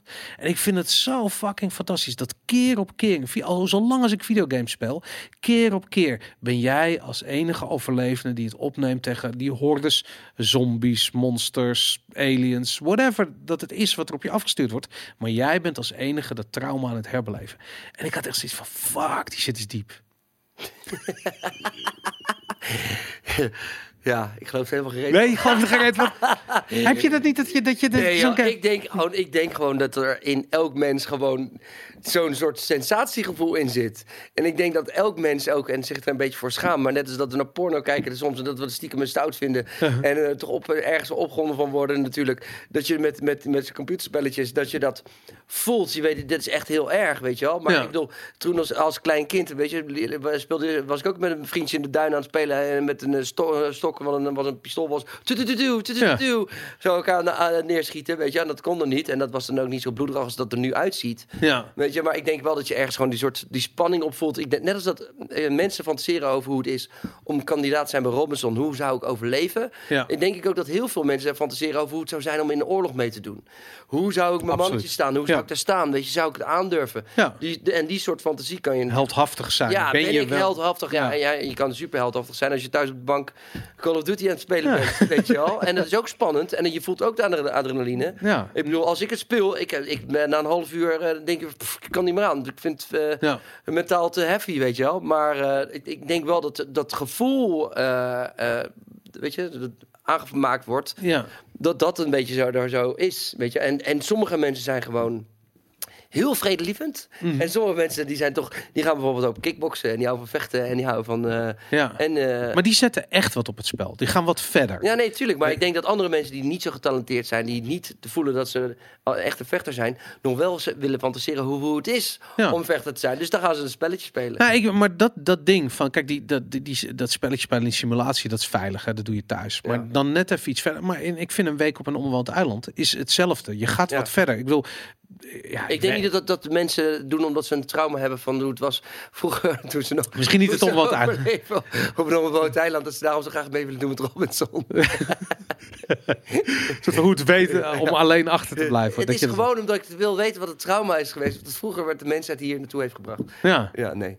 Nee, niet. Nee, Hmm. weet ik niet. Maar het is wat ik bedoel. Ik, het is, ik, weet Ik vind, het, ik, ik, ik vind het science fiction. Ik vind het in die zin heel erg tof. Weet je, dat, ik, vind, ik, ik ben zo'n fan van science Ik fiction. ook, man. Maar het heeft er ook gewoon mee te maken dat ik vroeger als kind bijvoorbeeld naar Star Wars keek, maar vroeger eh, op zaterdagochtend naar Transformers, en naar He-Man en naar, naar, weet je. En dan, ik, vond, ik, ik was een jongetje die zich helemaal in die wereld Ja. wa- waande. Ja. Weet je, en eh, als ik dan vroeger ging met mijn beste vriendje gingen we naar Putten en daar woonde ze eh, oma in de Veluwe. Dan gingen we daar in de, eh, in de, in de bossen gingen we alles hadden we weer een bepaalde rol gingen we dan spelen, weet je wel. Gewoon eigenlijk een soort roleplaying game. Cosplay, ja. Maar dat was het. Dat was als kind vond ik dat al Ja. fantastisch om, om te fantaseren. En ik denk dat dat het ook gewoon nu is met, met al die games. Ik vind Zelda is mijn lievelingsspelletje, weet je. Dat is mijn lievelingsgame, weet je. Ik weet nog dat de eerste uitkwam op de, op de NES. Met die, met die kaart. En dan kon je die kaart, kon je dan eh, elk veldje, als je dan verder kwam, Ja. kon je die kaart invullen. En dan kon je hem bijtekenen. In een tijdperk dat je nog niet dat soort grote games had. Dat was ja, nieuw. man. ja. En ik een beetje met die gouden, de gouden disc en, en dat gevoel, jongen. Weet je wel. En, eh, en, maar ik heb dat... eh, Toen la- las ik eh, in de band van de ring, weet je. Toen ik 13 was, eh, Lord of the Rings. Nou, dat was ik ook helemaal meegesleept, weet je wel. En dan keek ik ook naar die films. Fantastisch. En, eh, Wa- Wat is nu, wa- wa- waar krijg je nu je nerdfix uit? Wat, wat, kijk je nog series, kijk je nog films of lees je comics waarbij je zoiets hebt van ja, dat is dat, dat, is dat, dat jongetje wat nog soort van zijn. zijn... nou, ik vind, ik, vind ik, ik zit wel de laatste tijd een beetje... Ik vind BoJack Horseman heel leuk op, op Netflix. Oké, ja, zeker. Ja, En ehm, daar ga ik weer met mijn naam. eh, Rick en Morty vind ik ja leuk. tuurlijk. Ik wou al zeggen. Rick and Morty, ja. Rick and Morty, dat vind ik heel tof. En, eh, maar qua, qua nerd, ja, ik merk, merk wel dat er gewoon veel... Ik heb laatst Ghost in the Shell gekeken. Dat Oh, oké, wel- die remake. Ja, eh, die remake, weet je, vond ik best aardig. En, eh, dus ik heb, ik heb wel altijd dat soort dingen kijk ik. Maar ik heb niet meer dat ik helemaal van mijn bank af... eh Nee, niet, niet, niet. wat heb jij dan voor tips? Nou, nee, maar ik, laat ik zo, soms heb ik het bij series. En ehm, ik, heb het, eh, ik heb het net als bij videogames. Ik, ik kan zelden meer een hele videogame tof vinden. Nee, ja. Ik ben op zoek naar kleine details. En er is bijvoorbeeld een, eh, een serie die heet The Expanse. Dat is een een science fiction serie. En het gaat erover dat we Mars hebben gekoloniseerd. En er zijn nog wat mining outposts. En daar kunnen we tussen vliegen. Maar eigenlijk is het niet zo heel groot. Dus je hebt de, de hele universum. Dat, daar, dat kunnen we helemaal niet. Maar we kunnen eerst net naar Mars vliegen. Ja, ja. Weet je? En, en Mars en aarde staan op voet van oorlog met elkaar. Maar het grappige is dat omdat we dus nog, weet je, we zien altijd die die die die en dan ga je lightspeed en dan ben je in een andere galaxy. Dat is zo gigantisch groot. En in de Expanse is het dus juist zo tof dat het vliegen naar Mars is al een fucking uitdaging. Ja, ja. Weet je, en wat je ook ziet is dat eh, de, de mensen die aan boord van die schepen zitten, die hebben ehm, een, een soort van psychische aandoening. Namelijk dat de, eh, de dreiging is zo groot. Ik bedoel, er is zo'n dun laagje staal wat jou scheidt van een eh onherroepelijke dood. Wat we eventjes meemaken, misschien in een vliegtuig. Maar daar, die mensen zitten maanden in zo'n in zo'n cabine, bij wijze van spreken.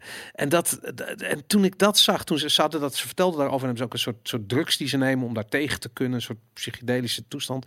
En ik had echt zoiets van. Fuck, dat gaat echt zo zijn, weet je. We gaan niet opeens een Star Destroyer bouwen en, en, en Nee. tien lichtjaar verder. Nee, dat, dat, is, dat is pas 300 jaar nadat we voor het eerst naar Mars vliegen in een, in een ruimteschip. Natuurlijk gaat het zo, weet je. Ik bedoel, Ja. We gaan eerst gewoon die crappy shit krijgen. En die gasten, die, ja, die, die gaan dat, dat gaat heel zwaar zijn. En toen ik me dat realiseerde, ik dacht van ja, tuurlijk hebben we niet een Star Destroyer. We gaan, Ja. Zo gaat dat gaan. En dat, dat vond ik heel tof. Ja, ik weet niet. Ik heb, eh, als ik dan denk aan series, ik heb wel heel vaak tof. Weet je, ik kijk wel toffe series.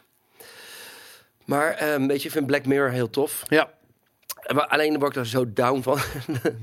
zo depri van. Eh, en, maar als ik dan denk aan... Dus ik vond vroeger David Lynch altijd heel tof. Met Lost Highway en dat soort eh, films. Van die freaky Wow. films. Lost Eh, Highway is fucking freaky. Ja, die vond ik, maar die vond ik wel fantastisch. En, eh, hoe heet dat? En daar, er was een serie die Ja. nog steeds die me niet loslaat. Dus Carnivale. Ah, Oké, ja. En die, die, die serie die is nooit afgemaakt omdat het gewoon een, niet zo'n commercieel succes Ja. was. Maar die waren, zijn twee series van. Maar dat is wel een serie die Of die circus. Ja, beetje, circus, heel ja. freaky. Ook allemaal eng, maar zo goed neergezet. Ja. Voor mensen die luisteren dingen. Ga het checken. Als was een HBO-serie, kan ik me HBO, staat nog Ja. steeds op HBO trouwens. Ik heb nog eh, laatst weer gekeken. Ah, vet. Zo'n goede serie. En dus ja, ja, wat ik tof vind. Ja, En eh, Bre- Breaking Bad, dat soort dingen? ja Breaking Bad vind ik natuurlijk heel tof. Ja. Ik, ik kijk Curb Your Enthusiasm vind ik ook heel Ah, leuk. oké, Maar ja. is dan meer comedy. comedy. Larry David is geniaal. ja, ja. dus ja, ja, ja. Ja, nou, goede shit. Dat, eh hey, en ehm eh, laat ik zo, ik zit heel, ik was eigenlijk verbaasd enigszins dat Mokka Mafia naar Videoland ging, Eh, omdat ik zoiets had van waarom doet Netflix dat niet? Weet je, wat, he- heb jij wel eens het idee dat Netflix wel eens wat? Ik denk wel dat dat gaat gebeuren. Ja, Ja. Oh ja, Al- Altered Carbon, die, die, Oh ja, die wordt even ja. genoemd. Die vond ik ook wel trouwens tof. ja. Ehm, eh, ik vond, eh, eh, ik denk wel dat dat gaat gebeuren natuurlijk. Ja, ik bedoel, Ja? Netflix is natuurlijk heel, ze kunnen het op een gegeven moment, anders wordt Videoland straks de enige met Nederlandse programma's. En je hebt dan de, dat van de NPO natuurlijk, maar ik denk wel dat, ik denk, ik denk wel dat dat gaat gebeuren. Ja. Ja, ik hoop dat. Laat ik zo, ik, want in die hele ontwikkelingen, om nog even daar, daarop terug te komen, misschien daar kunnen afsluiten, maar ehm, dat contentmakers naar hun eigen kanalen gaan. Hè? En eigen tussen aanhalingstekens, want het is natuurlijk YouTube en Instagram en god weet iedereen zijn kanaal behalve dat van Ja, de contentmakers zelf, maar in ieder geval hun eigen community bedienen.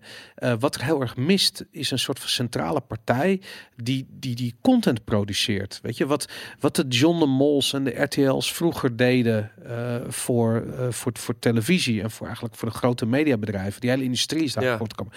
Dat bestaat niet rondom de kanalen die nu aan het ontstaan zijn. nee. En ik, ik, aan de ene kant heb ik zoiets van, ik snap dat er het, het lastig is omdat er geen verdienmodellen zijn. Maar aan de andere kant heb ik zoiets van, die komen wel. Ja. En waarom investeert niemand erin? In Amerika gebeurt dat namelijk wel.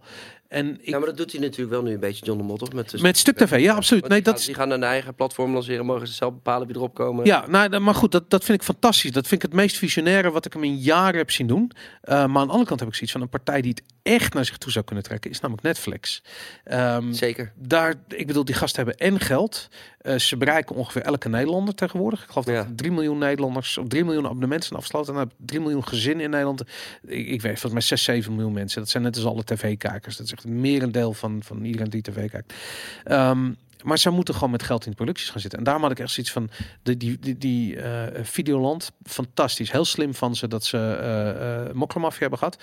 Maar ik ga er geen Videoland voor afsluiten, weet je. En ik vraag me af hoeveel mensen dat wel doen. Heel veel. Ja? Ja, heel veel. Oh, Ja, dat, dat weet ik toevallig, omdat eh, ik zag Ahmed de Gabi zag ik laatst eh, vorige week. En toen eh, vertelde hij dat geloof ik binnen een weekend, binnen een week, waren er geloof ik 50.000 abonnees Oh ja? bijgekomen. Ah, dat, dat vind ik echt heel goed nieuws. Want ik hoop dat Netflix dat ziet en zoiets heeft van... hé, hey, maar dat moeten we dus Ja. ook. Dus in zee gaat met Nederlandse producenten dit soort verhalen. Want het is ook nog eens een fucking verse serie. Ja, luister, dit is heel erg, want weet je, Mokka Mafia en Temptation Island, die hebben gewoon voor, ik weet niet hoeveel duizenden, honderdduizend abonnees gestorven van Videoland. Omdat Sick. iedereen dat toch wil kijken. Ja, ja, dat is wel tof. Nou goed, Ja. ik, ik, ik, Ik ben benieuwd wat je gaat doen. Ik hoop dat je die kant op gaat en eh, hou me op de hoogte van Keep jullie. posted, man. Ja, je avonturen en eh, eh, als jullie live gaan, eh, eh, laat me weten. Zeker. En, eh, En ik, zorg, ik, zorg, ik schop die Pepijn even onder zijn reet. ja, die moet echt even nou een keer. Ik bedoel, die, die, me en dan reageert hij weer niet. Ja, eh, hij had hier gewoon naast je moeten zitten, maar Nee, joh, Dat, beter, anders dan eh, ook niet aan het woord gekomen. da- daarom inderdaad. Volgende keer. Dus eh,